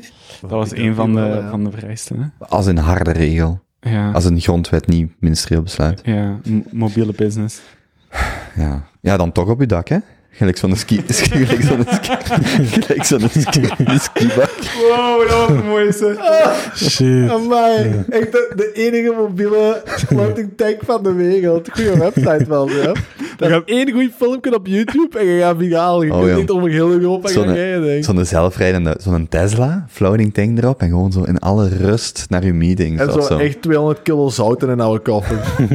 en ergens parkeren, bordje floating tank op met een Tesla. en Gewoon echt Oh, joh. zout erin liggen. De golven gaan beginnen. Ja, nee, maar ik vind dat, ik blij dat het is echt elk jaar. Ik heb zo'n doosje met allemaal ideeën dat ik uitschrijf. En elk jaar er zo eens door. Hè? En dan elk jaar kom ik dat terug tegen. En elk jaar denk ik. Het is nou, godverdomme, al iemand in Antwerpen per centrum een floating tank heeft gestart. Maar is dat ik business? en dan is dat nog altijd niks. En dan denk ik echt, Mm. My god, hoe dikwijls moet ik dat nu nog... Ja, ik snap het niet. Ik snap dat echt niet. Dat is, ik heb het ook opgezocht en zo, hè. Voor, wat was het? 12.000 euro was een tank. Met zuiveringssysteem, allemaal full geautomatiseerd. Je hangt daar aan... 12.000 al. Maar ja, Het ziet er snel uit. je hebt daar, je hangt daar zo'n Misschien beter samenleggen. Dat is 100 Waar? euro per... Ik doe mee. En dat is echt een topmodel, hè. Dat is echt... Dan heb je de Rolls Royce van de floating tanks, hè. Met automatisch zuiveringssysteem. Je- Dus je, je koopt een badkamer, je zet er zo'n ding in, je maakt een goede website. Bij je ouders? Dat is weer Limburg, hè. Ja, maar dan kun je, dan kun je tenminste zeggen dat dat pelt is. Hm. Ja. Oké. Ja, nu hebben we het Ja. natuurlijk al wel... Nu hebben we het is echt op Ik vind dat echt een goede. Ik zou dat, ik denk dat veel mensen daar naar eh, op zoek Maar zijn. allee, jong, zo op het zuid. Of op, op, op het eilandje. Volledig, automa- volledig geautomatiseerd, hè? Waarom niet? In het begin. Zelf check-in. Maar ja, jong. Ja. Of la, ik heb me zoals in zo'n hotel verbleven. Dat is wel graag, hè. Zo, heb je dat ooit al eens gezien? Zelf-check-in hotel. Ja, zo fully automated hotel. Dat is in zo'n luchthaven ergens in. Duitsland dat je daar Met of zonder prostitutie? zonder steun. Is, dat, is dat vreemd? Omdat ik, ik zou me kunnen voorstellen dat wat een hotel net charmant maakt, is de bediening, het ontvangst eh, enzovoort enzovoort, dat dat volledig eigenlijk geabstraheerd wordt en dat is louter een dienst. Ja, dat is echt kamer. gewoon zo'n... De deur is dicht en dan hangt daar een automaat en dan moest jij ingeven wat je wou. Een slaapkamer met een enkelbed, met twee bedden, wat je Mhm. wou. Wou je tot uit dingen, wil jij... Wifi wou je... Dat is echt al wel vijf, zes jaar geleden. En dan kwam daar een, een, betalingsding op en dan moest je betalen. En dan ching, viel daar een bedje uit en dan kon jij die deur openen en dan kon je in heel dat gebouw alleen die één kamer van de nummer dat er op die badge stond, tappen, daar kon je binnen. Dan kon je pitten voor een paar uur, dat was naast de luchthaven. En dan moet je wakker wanneer je je vlucht had. Je dropte die badge in een ding en je wandelde naar de luchthaven. Hm. Bangelijk gezien, hè? Is keigoed gezien, hè? Heel raar. Ja, ik vond dat wel raar. Bon. Ik had nog eh, een dingetje genoteerd, tenzij dat we nog iets willen zeggen over floating tanks. Ik niet. Ik ben klaar om op Egbert Lacher te schieten, maar gaat jij maar eerst. Kober gaat zijn eerste eh, eh, start-up investering doen als er iemand hem contacteert voor... Maar ja, floating tank business. maar je moet het concept breder trekken. Fitness voor uw geest. Dus het begint met floating tanks, maar dat is ook het centrum waar je die MDMA-sessies kunt gaan doen, waar je Mm. Die, meditatieopleidingen die kunt doen, van... waar dat je psilocybin kunt gaan doen, en dan gaat het dan license. Oh man, echt. Geef me een weekend. Ehm eh, wacht, hè. Dus ik had die vraag nog een beetje geïnterpreteerd gelijk als de vorige. Dus dat het ook gewoon breder werd getrokken als enkel essays, boeken en- of podcasts. En dat het dus ook gewoon, ja, interessant over moraliteit, business, natuurkunde. Mhm. En ik was dit tegengekomen en dat is een beetje een kruispunt op alle drie, vind ik. Moraliteit, business en natuurkunde. En ik had dat laatste filmpje... iets verder van uw microfoon of iets achter als je wat, want je bent aan het klippen. Heb je al dat laatste filmpje van Boston Dynamics gezien? Fuck me, was dat, Die, die dansjes zo, die drie dansjes. Wat is dat, Wat is, wat is Weet je Boston wat ik, Dynamics? wat ik het allergraafst... Boston Dynamics, goeie vraag. Ehm, Boston Dynamics is een bedrijf dat al tien jaar lang, denk ik, wereldtop is in robotica. Dus die zijn zo tien jaar geleden vrij bekend geworden met zo dat eerste filmpje van zo'n robot die dat stapjes aan het doen was. Een hele grote loodmachine in de, in de sneeuw en zo. Dat is zo'n heel grote hond. En dan zijn die gekocht geweest door Google. Dan zijn die verkocht geweest aan een grootste investeringsfonds van de wereld, dat ook zo'n WeWork heeft geïnvesteerd en zo. Ehm, die hebben die dan nu verkocht aan Hyundai, denk ik.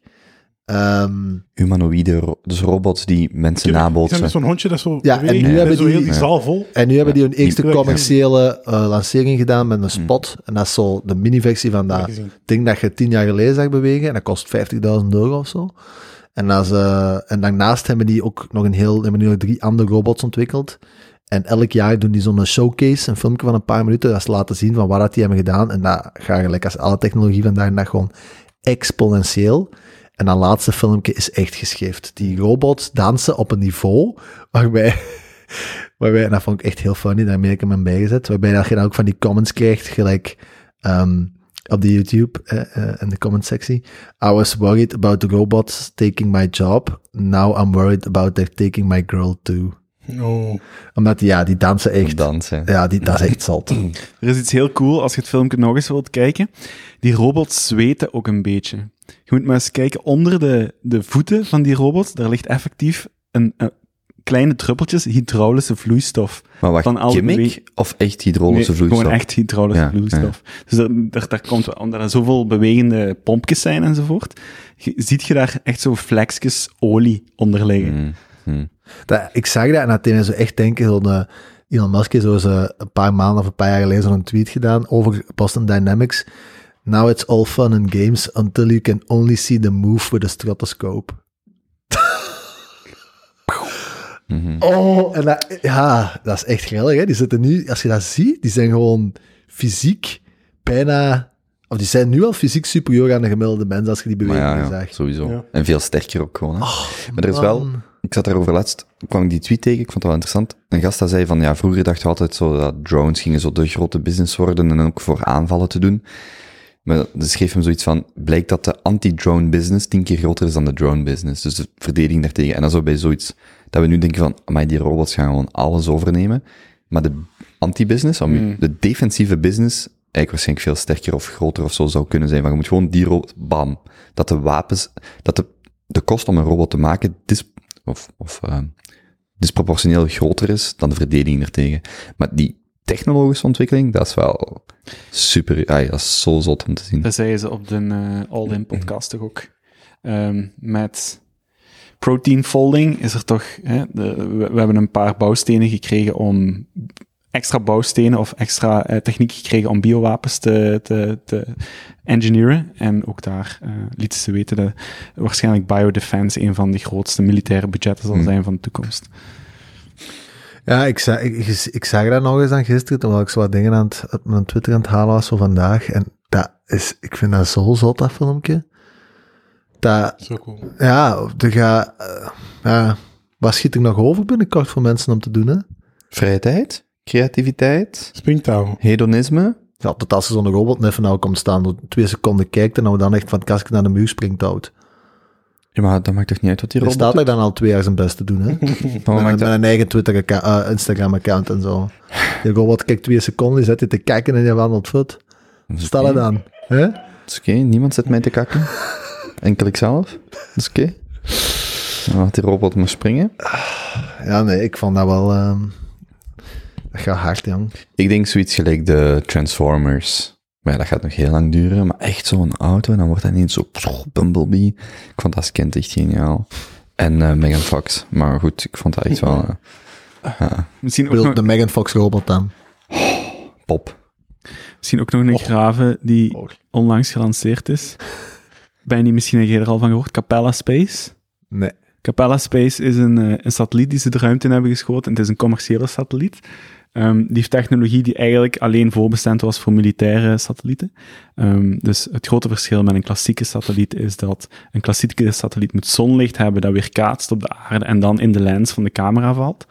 Ehm, de Capella Space stuurt zelf straling naar de aarde, iets à la radar, en vangt die dan terug op. Eh, en dat zorgt ervoor dat we door wolken heen kunnen kijken, dat we in de nacht eh satellietfoto's kunnen maken, et cetera. Maar ook dat die accuratie extreem nauwkeurig is. Dus ehm, Capella kan ehm, millimeterwijzigingen in zeeniveau, eh, grondniveau en, en bebossing eh, detecteren. Ehm, en dus zijn stralen reflecteren op harde en, en, en gladde oppervlaktes, waardoor die ook eh, in bijvoorbeeld gebouwen kan kijken met een gladde vloer. Dus die heeft eigenlijk en- enigszins de capaciteit om door gebouwen heen te kijken, omwille van de weerkaatsing van de signalen die door poreuze muren gaan en dan terugkaatsen. Dus super gedetailleerd. Dus wacht, dat ding kan in principe de verschillende verdiepen in, pak nog een groot gebouw, de verschillende ver- eh, verdiepen zien tussen aanhalingstekens, Correct. of identificeren. Vanuit de ruimte. Vanuit de ruimte. ja. De- als ze daar nu over communiceren, er is zo'n regel, dan ligt Defensie tien jaar voor. Dus er Inderdaad. hangen waarschijnlijk al x Mm. aantal satellieten in de lucht. Ja, inderdaad. Defensie ziet alles. Ah. Maar dus, dus de commerciële resolutie is beperkt tot 50 op 50 centimeter. Dus één pixel op je scherm is 50 op 50 centimeter grondoppervlakte. Maar, zoals iedere commerciële eh, bedrijf eh, het beaamt, zijn er natuurlijk verschillende tires of, of abonnementsformules. Eh, en kunt je een nog hogere resolutie aankopen als je bijvoorbeeld eh, een abonnementsformule pakt bij Capella. Maar ehm, het klinkt allemaal heel dystopisch. Het is vooral bedoeld voor first responders, voor climate change te tracken, ehm, om noodsituaties... Ja, ja, ja, wij meten zeeniveau, wij, volgen Anuna de Wever als, eh, hè, en dan zo, ja, ja, ja. Kennekes die daar gebouwen liggen als ze zijn ingestort. Bam, Somalische rebel eh, sterft, technologie onbekend. Oh, oh, zeeniveau. ja, bij deze. Ja, maar dat, is- dat is, kijk, toch ook open gaan, hè? Chips zijn in zijn brein. Ja, maar het is voor mensen die dat niet meer kunnen wandelen. Ja, dat is ook zo. En, en dan, dat zijn dan... Dat is gelijk die tank in Antwerpen. Ja, maar dat is voor uw veiligheid. Ik voel me niet veiliger, hè, Pasha. hoe, heet, hoe heet die weer? Die, die, je weet wat ik bedoel, hè? De Bearcat. De, de Bearcat. Ja, dat is voor uw veiligheid. voor, mijn, voor mijn veiligheid. Ja, nee. Dat is wel zot. Echt in gebouwen kunnen zien. kan door gebouwen heen kijken. Het deed mij denken aan... ehm, Over 100 jaar heeft iedereen ons een eigen satelliet. Kunt je kinderen volgen? nee, nee, binnen, binnen 100 jaar zitten wij in die satelliet. Of zijn we allemaal blind? Ja. Ehm eh, er was bij Joe Rogan eh, een, een, eh, een collega van de Lex Friedman, die na, een, een, een Harvard-astroloog. En ik heb die geluisterd, ik, ik vond die heel goed. E- Eva Loop. Ja, Moa Moa. van de Moa Moa, van die... Loop die L-O-E-B. Ja, Loop. Ja. Loop, ja. Dat is wel een aanrader. Ja, gewoon... Pardon, het is echt hilarisch om te zien dat die Rogan, die is echt in een alien rabbit hole aan het duiken de laatste. It's got more Ja. coming. It's Ah, got ja. more Ja, Ja, tegen Lex. Heb je geluisterd? Ja. It's komt meer, er komt meer. Lex zegt zo van, ah ja, nog even, hè. ja, er komt meer. E- Even voor de luisteraars.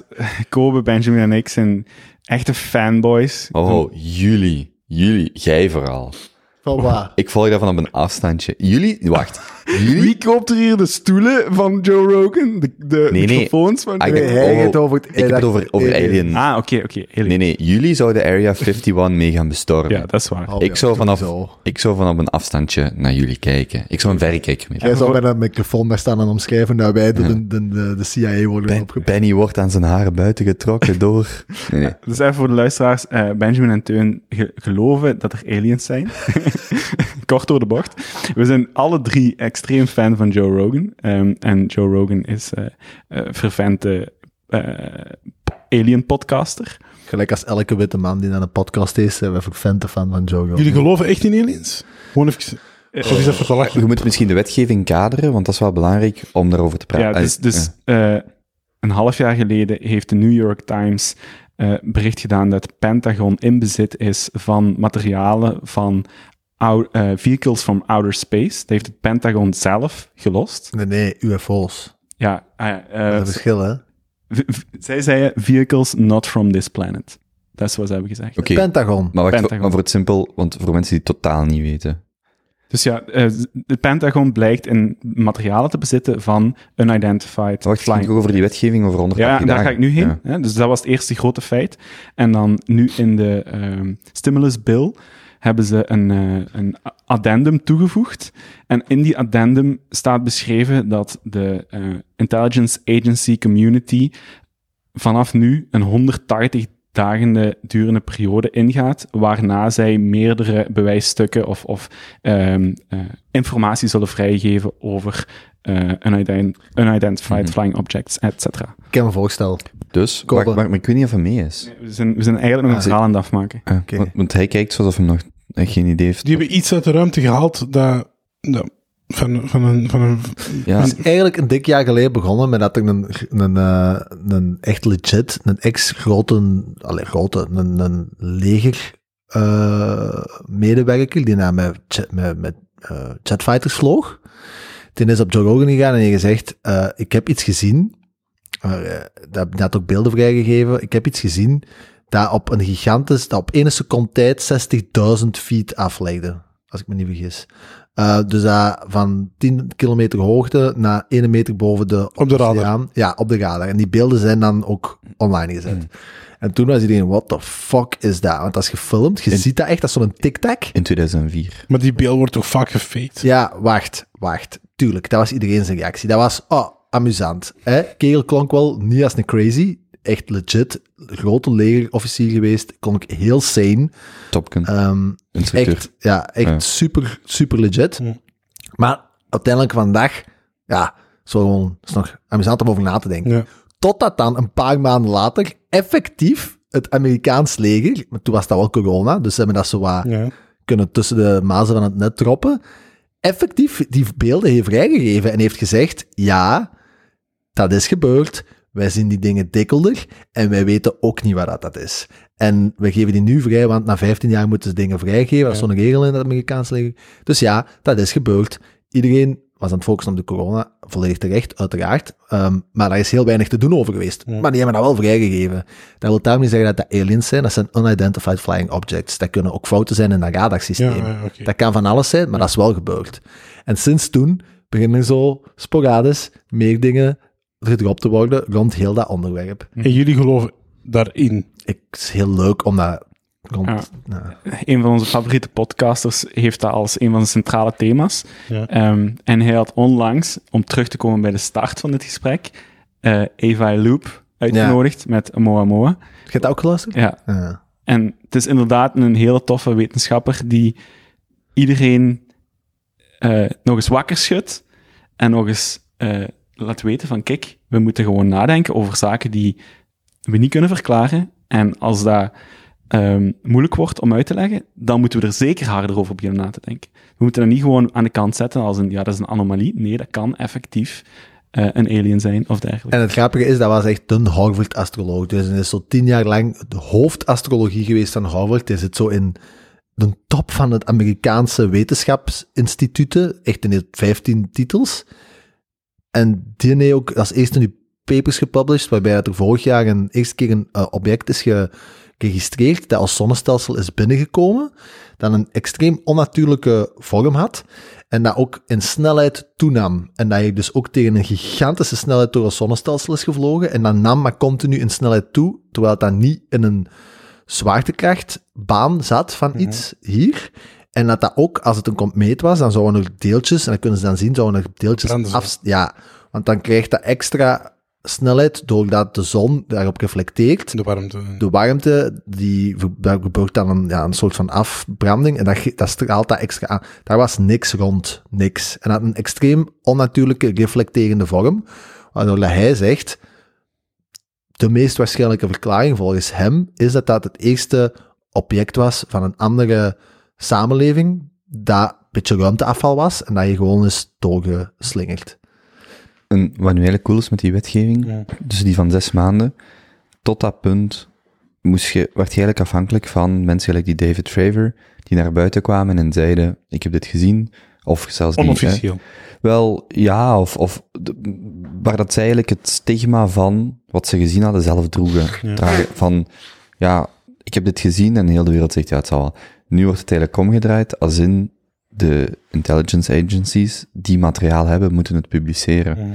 En dat is wel, ja, dat is wel heel interessant, want dan kan, kan, kan heel die discussie in een stroomversnelling geraken en kun je over concrete waarnemingen gaan praten en kun je die, die dots, die, die, die, die individuele waarnemingen gaan verbinden met elkaar. Maar als er achteraf blijkt dat dat niks is, dat dat een hoax is, dan pakt je ook de legitimiteit weg van die intelligence, intelligence Ja. hoe je dat ook noemt. Maar dat is wetenschap, hè. Wetenschap gaat nooit over het verifiëren, maar louter over het falsifiëren. Mhm. Wetenschap is puur, we zien dit, kunnen we het repliceren, kunnen we het falsifiëren, dat is de wetenschappelijke methode. Dus het idee dat iets een hoax is, kan perfect zijn, maar dat is nooit een argument om ehm, geen wetenschappelijk onderzoek ernaar Ja. te doen.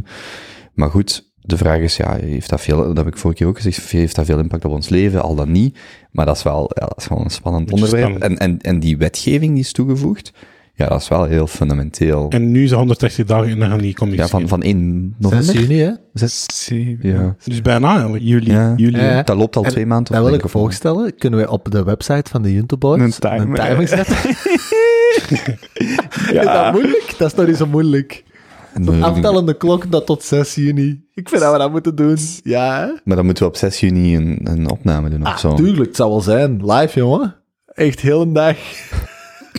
ik pak een dag verlof. En dan zitten wij daar gewoon ergens live. Oké, nu gaat het komen. En dan echt gewoon... Nee, gewoon de volgende kekels. Een timer is wel leuk. Nee, zet gewoon Ja, nee, op. ik doe een timer, maar dan moeten we ook iets doen op die dag.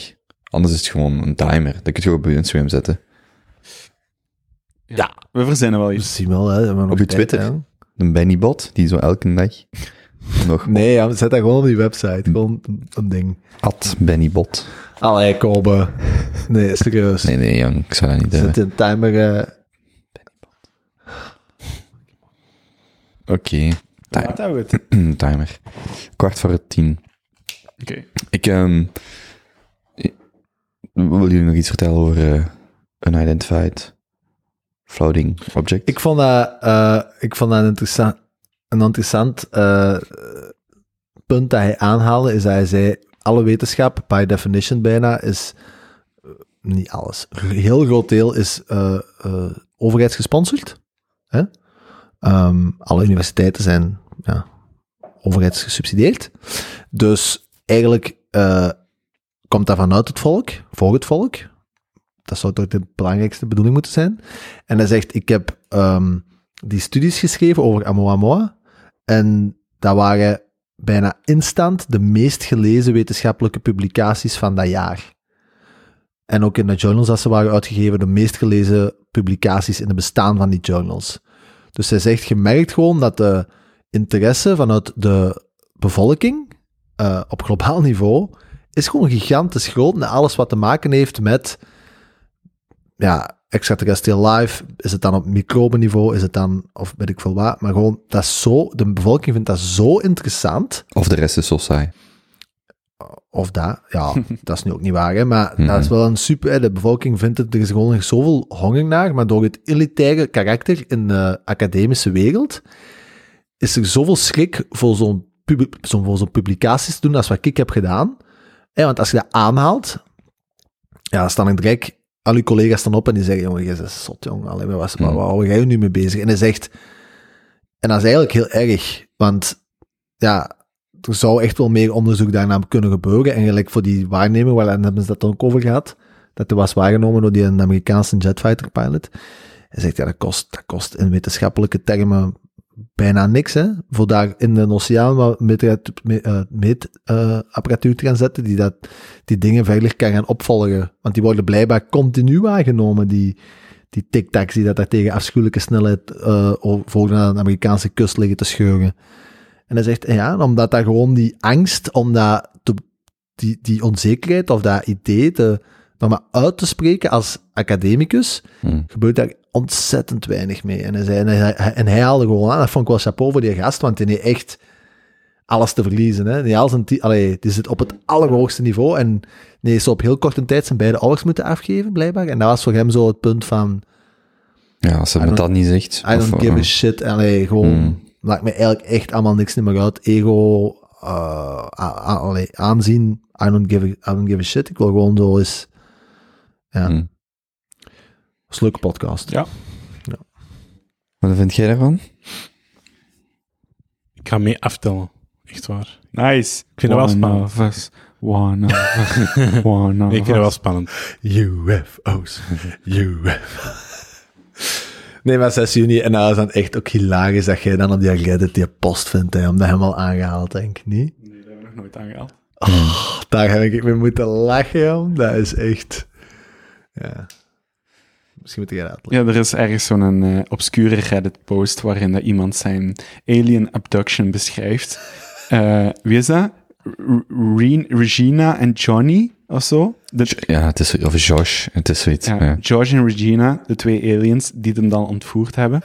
En het is een zeer bedenkelijke eh, ervaring die hem neerpent. Hmm. Maar heel toevallig komt de datum waarop dat de aliens hebben beloofd dat ze meer van zichzelf zouden laten zien, exact overeen met de datum dat de eh, US Intelligence Intelligentia hun Hmm. bekendmaking gaan doen. En dat is hoeveel jaar geleden gepubliceerd? die post? Zeven. Zeven.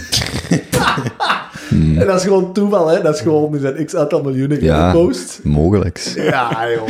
Maar dat is echt gestuurd, dat hè, joh. Heel, heel dat is grappig. echt- Dat is hilarisch, is dat.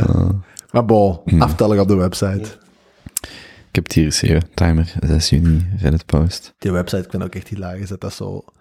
Dat is zo'n... Een levend dagboek. Ja, en Dat, dat, wordt- is, dat wordt een encyclopedie. ja, en dat is echt nog totaal niet op punt qua UI en zo. Hè. Mensen die dat, dat zien, die dat niet weten over wat dat gaat, die zijn dan na anderhalf seconde terug weg, hè. Dat is prima. Dat is super. Dat is de bedoeling. Oké. Grappig. Ja, ehm, even kijken. Het is tien voor tien. Ik had, ik had eigenlijk nog een thema opgeschreven. Of, eh, ik, ik zei dat ik uh, Egbert Lachart wou aanvallen. Maar dat is eigenlijk wel een breder thema. Ik weet niet of we daar... eh, Ik heb wel nog een goede quote. Oké. Ah ja, als we naar de quote ga- vraag gaan, hè, die komt hierna toch? Dus je moet allemaal nog een quote geven als we die hebben en dan afronden. Want het is, het is al lang geweest, denk ik. Oh jong, ik wou echt op BVLD. Nee, nee. Volgende, volgende keer. Houd dat gewoon voor volgende keer. Ik, ik hou mijn notities nu ook Ja. Ja digitaal. Ja, dat is- oké. En degene die ik niet heb aangehaald, gewoon naar volgende Ja, het is ook jammer om... eh, ja, ja. dat Oké, quote. Ik was eh, onlangs op een, eh, een gezellig etentje met een simpele campuse filosoof. En die zei, we leven in een exponentiële wereld met lineaire breinen. Heb jij dat gezegd? Mhm. En dat is blijven hangen, of wat? Ja, dat klopt hè? Ja. Voor alle duidelijkheid. Dat is... Dat is het voorbeeld van een lineair brein. dus niet aan het opletten. Ik ben een quote aan het zoeken. Je had echt, je had echt het gezicht van een lineair brein. Echt. Wat wou je zeggen, Benny? Ja, ik denk, ik weet niet, maar ik denk dat dat, ik denk dat, dat komt uit uh, Yuval Noah Harari. Ah ja, oké. Ja, Denk ja, ik. ja. Hmm. Maar ja, Dat zou best kunnen. Kan ook gewoon een flits van genialiteit geweest zijn. Jij hebt eens gezegd dat als je zo zoveel seconden neemt, heb je die tijd, hè, zo miljarden kilometers, zo als je een jaar, eh, Ja, zoiets. ja. Want eh, in, een, in een podcastopname met een gast ging daar deze of vorige week over. En zo blijkbaar, als de stap denk ik 1 meter is, dacht ik, zit je in 34 exponentiële stappen aan de maan. Dus dat is zo de, Holy shit. in 34, want dat was eigenlijk makkelijker om te zeggen wat jij zei. In Ja. 34 stappen zit je op de maan. En ik geloof dat je begint met 1 meter. Maar daar kan ik in fout zitten. Ik heb niet meer gecheckt. Maar ja, dat is toch ook, ja, dan gaan we, het hol in duiken, maar dat is zoals eh eh, gener- eh, Artificial General Intelligence eruit komt, General Artificial Intelligence, dan is dat toch ook, een van de theorieën is dat, oké, de computer wordt zich bewust en ene micro, allee, of, eh, komt op het punt dat hem even intelligent is als de mens en in een microseconde later is hij slimmer als alle mensen ooit bestaan gecombineerd. Mhm. En dat is, dat, wij kunnen dat gewoon niet vatten, hè. Maar is dat, ja. Maar dat is dan zo de hele voorbeeld met de, met de apen, hè. Wij zijn intelligenter, maar apen hebben daar geen last van, wij hebben daar geen last van. Ay, nu ga ik er te Apen hebben daar wel vrij veel last van. Ja, maar je weet, ja, maar ik bedoel, een Zeg je aap, nou eens in de zoo aan Antwerpen geweest? ja, maar ik bedoel, er is geen één aap die wakker ligt van het feit dat de mens domineert. Geen in- individueel, je weet wat ik wil zeggen, geen individuele aap. Tuurlijk, een aap als soort floreert niet onder de mens, maar een individuele aap die geboren wordt, is zich niet bewust van het feit dat dat niet het meest intelligent was, of voor zover ik weet. En zo kan dat bij die AGI ook zijn, van, Ja. wij hebben daar schrik van, maar misschien zijn wij gewoon de apen of de mieren voor zoiets. hè. Waarom zou je daar moeite in steken? Mhm. Quote. Piet gewonnen? Tuurlijk. Ik heb altijd... Ik ken u trouwens trichotillomanie? Nee, Oh, lekkere woorden, jong. Nee? Niemand? Trigo wat? Is dat een soort van straf? Trichotillomanie? Is dat schrik voor pleinen? Nee, nee. Nee. Schrik Trichotillomanie is een, Schrik eh, van pleinen. Pleinen op een psychische aandoening. En dat is, wil ik zeggen, het eh, uittrekken van haren. Een van de graafste namen dat we hebben van, eh, voor een psych psychische stoornis. Oké. Dus uittrekken van je haar. Maar niet alleen je, je hoofdhaar, maar vaak is dat je armhaar, je okselhaar. Er zijn mensen die daar snel last van hebben, die dat daar onder lijden. Gelijk nagelbijten, maar dan u echt uw haren Ja, trekken. maar de meeste mensen doen hun oksel of armhaar omdat, dat niet, omdat je dat dan niet ziet. Mm, mhm. Maar is, ah, dus ik, heb een, ik, heb een, ik heb geen quote, maar ik heb nog een interessante ziekte ook. Gerofobie. Oké. Classic Jozef. Gerofobie is eigenlijk de angst om... Gero, Gero. Gerofo gerofobia in het Engels. Is de angst om... Een quote te zeggen.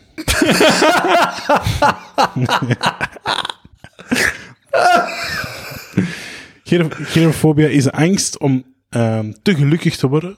Of je gelukkig te, te gelukkig te voelen, omdat je bang hebt dat er iets erg gaat gebeuren. Oh, Ik vind dat ook wel mooi. Dat sukt wel. dat sukt, ja. Mm. Ja. Oké, doe maar. Als, je, als je een van de twee mocht kiezen, wat zou je dan nemen? Goh, eh, nee, geluk is belangrijk. Ik ga voor mijn haartjes uittrekken. Ik heb er toch genoeg op mijn lijf. Jij zit behaakt, hè? Ja, ik ben uh, Arabier. hè. Ik heb borsthaar. Ik ben echt een man. Mm. Zijn je al op het punt gekomen dat je borsthaar gewoon in één lijn doorloopt in uw... In uw Nee, dat vind ik echt niet mooi. Nee, dat is nog niet. Maar wax jij al? Nee, nee, nee. Maar ik kan dat misschien wel eens doen. Niet meer. Ja, nee, ik ga niet meer Ik kan niet waxen. Ik heb dat nooit gedaan, mijn, mijn eh, haar gewaxt. Heb jij veel rughaar? Nee, zo enkel vleugeltjes. Mm. Oké. Vleugeltjes, dat is echt een heel schone manier om die twee patches achter op je, op je rug te De twee beschrijven. vleugels. Ja, ik weet niet. Hè. Dat, is, dat is typisch. Ja, ik ben Arabisch. hè. Mijn- mijn, jullie, jullie gaan uiteraard lachen, Heb jij haar? Ja. maar ik heb er foto's van. Mijn borsthaar, dat groeide zo in de vorm van Batman, van dat logo. Kun je die foto's Echt. bij de show notes? Echt waar. Ah, dit is, dit is ja. geen grap. Dat, dat groeide, ja, is wat. Ah, ik, had echt ik had echt verwacht de K van Kobe. Nee, eh, nee, sorry. Teleurstelling. Batman. Na na na na na na na na na na na na na na. Batman. Batman. Oké, nu mogen jullie quote doen. Kom. Ken je dat niet? Nooit gehoord. Allee, jong, die cartoon van vroeger. Na na na na na na na na. Nee? Nee. Oké, Ik heb wel Spider-Pig. funny. Spider-Pig. Spider-Pig. Ik heb geen quote, dus het is... eh, Ik heb er wel eentje. Ehm, Oké, beste Camplish, here we go. Oh. Bad things happen dramatically. Wait, wacht. Ja, klopt. Maar ik moet wait, even wait. inzoomen. Ik moet even inzoomen. Bad things zeg het echt happen dramatically. Point 2. Bad things happen dramatically. A pandemic. Good things happen gradually. Malaria deaths dropping annually and don't feel like news. Endeavor to keep track of the good things to avoid an inaccurate and dismal view of the world. Zeg dat nog eens? Kun jij gewoon vertalen? Ik versta je niet. Ehm, slechte dingen gebeuren meestal dramatisch, zoals een, eh, dus heel plots, zoals een pandemie. Goede dingen gebeuren meestal gradueel, zoals de droppende doden van malaria. De droppende doden. De droppende dodencijfers van malaria. Dus dat gaat echt al jarenlang naar De dalende. De dalende. Ah. Ja, hij staat dropping, sorry. Ik, hey, het is Ik dacht dat je aan het vertalen was. hè, mannen. Guys. En Camplish. En eh, die goede dingen, met die gradueel gebeuren, voelen die niet als nieuws. Ja. Dus er zijn keiveel grote tendensen die allemaal de goede richting uitgaan. Kindersterfte, drastische armoede, malaria doden en zo aan. En zo, Mm. aids doden. En dan is het einde van de quote gewoon, endeavor to keep track of the good things. Maar vertaal je man. Sorry, ik ben hier ter plaatse aan het vertalen, dus eh, doe uw best om de goede dingen op te volgen. Eh, anders krijg je een inaccurate en heel negatief view eh, blik op de wereld. Die co- de, de- je hebt die ook in afgekorte vorm. Misschien gewoon nog eens in het Engels. Count. Ja, misschien. Ja, ja. Je hebt die ook in afgekorte vorm, die quote. Ja. Je noemt Count Your Blessings. Ja, ja, ja. Hm? Hm. Dus Hmm. ben je dankbaar voor de dingen echt in uw eigen omgeving. Carpe diem. Ik vind ook...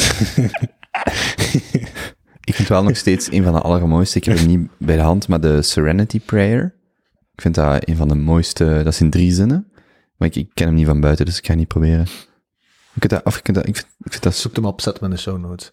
Ik heb Ja. er nog ene. Eh, future generations will Wacht, read... probeer anders direct te vertalen. Fuck off. Future generations will read history books about primitive societies in which the global supply of money was set at bi-weekly committee meetings. Naval. Dat is ook goed zo.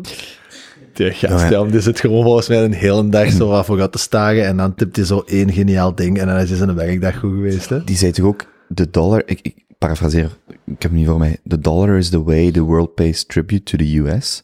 Ja, maar dat is ook, Ja, dat Zot, hè? zot. Die denkt echt Ja. op een ander niveau. ja, ja, ik begrijp hem wel goed. Ja, dat, Ja. Future generations will listen to Camplish and wonder, why didn't we recognize this genius? there we go. Voilà. Nou zijn we er. Ik vond vandaag echt eh, Is goed, hè? Leuk. Ja. Ik vind dat een toon moet afblazen nog eens goed op zijn fluit te blazen. Ah ja. Afsluiten. Wacht. Jozef gaat, ja. hmm, wacht, wacht, wacht. Dus misschien de laatste warme oproep. Dus iedereen die tot hier geluisterd heeft. ehm, dit prachtig stuk instrument, eh, gespeeld door die een prachtig stuk Limburger, is dus te verkrijgen eh, door een inruiltocht. Dus iedereen komt op een Instagram. Ook een foto, denk ik, misschien bij de Bospot. Moet ergens permanent ook te bekijken zijn natuurlijk, hè, want niet iedereen heeft Instagram. Dus we gaan er nog wel iets voor verzinnen. Maar dat is dus te verkrijgen door in te gaan. Deel een foto hiervan bij de post van deze aflevering. Ja. Op Instagram. Daar moeten we een foto van maken. Zelfs. Oké. Go. Valse staart. Nog eens wacht. Neem je tijd, neem je tijd. No pressure. Allee, Benny, laat die, laat die jongen performen. Nog eentje, mag ik nog een beat? Ma maken jullie er iets moois van, jullie twee? Ook een beetje execute hier de fout die is.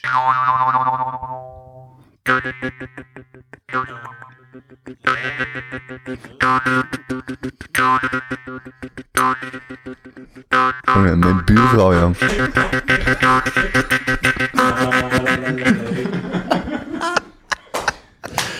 Hey, proficiat jongens, proficiat. En dan allemaal vermoeding natuur. Schoon ding. F- FNF. Schoon zaak. Als jullie dit ooit op een live show doen... ik lach echt Oh man, de persoon die dat, dat krijgt, en we doen ooit, Ja. zullen ook nog eens live-opnames komen, die moet, dat wel, die moet dat wel echt... Alle ruilartikelen moeten gewoon een gastoptreden doen op de liveshow. Ja, hey, maar ik ben echt benieuwd waar dat deze gaat eindigen, jong. Ik hoop bij een bos. Ja. Er is iemand die ooit zo een appartement heeft ja, bij elkaar gewild, hè? Ja. Zalig. Laten we klein beginnen, want iedere trouwe luisteraar van de podcast weet, dit is bij uitstek de plek waar we grote dingen klein maken en kleine dingen groot. Amen. Ja, jij weet dat niemand, jij luistert nooit.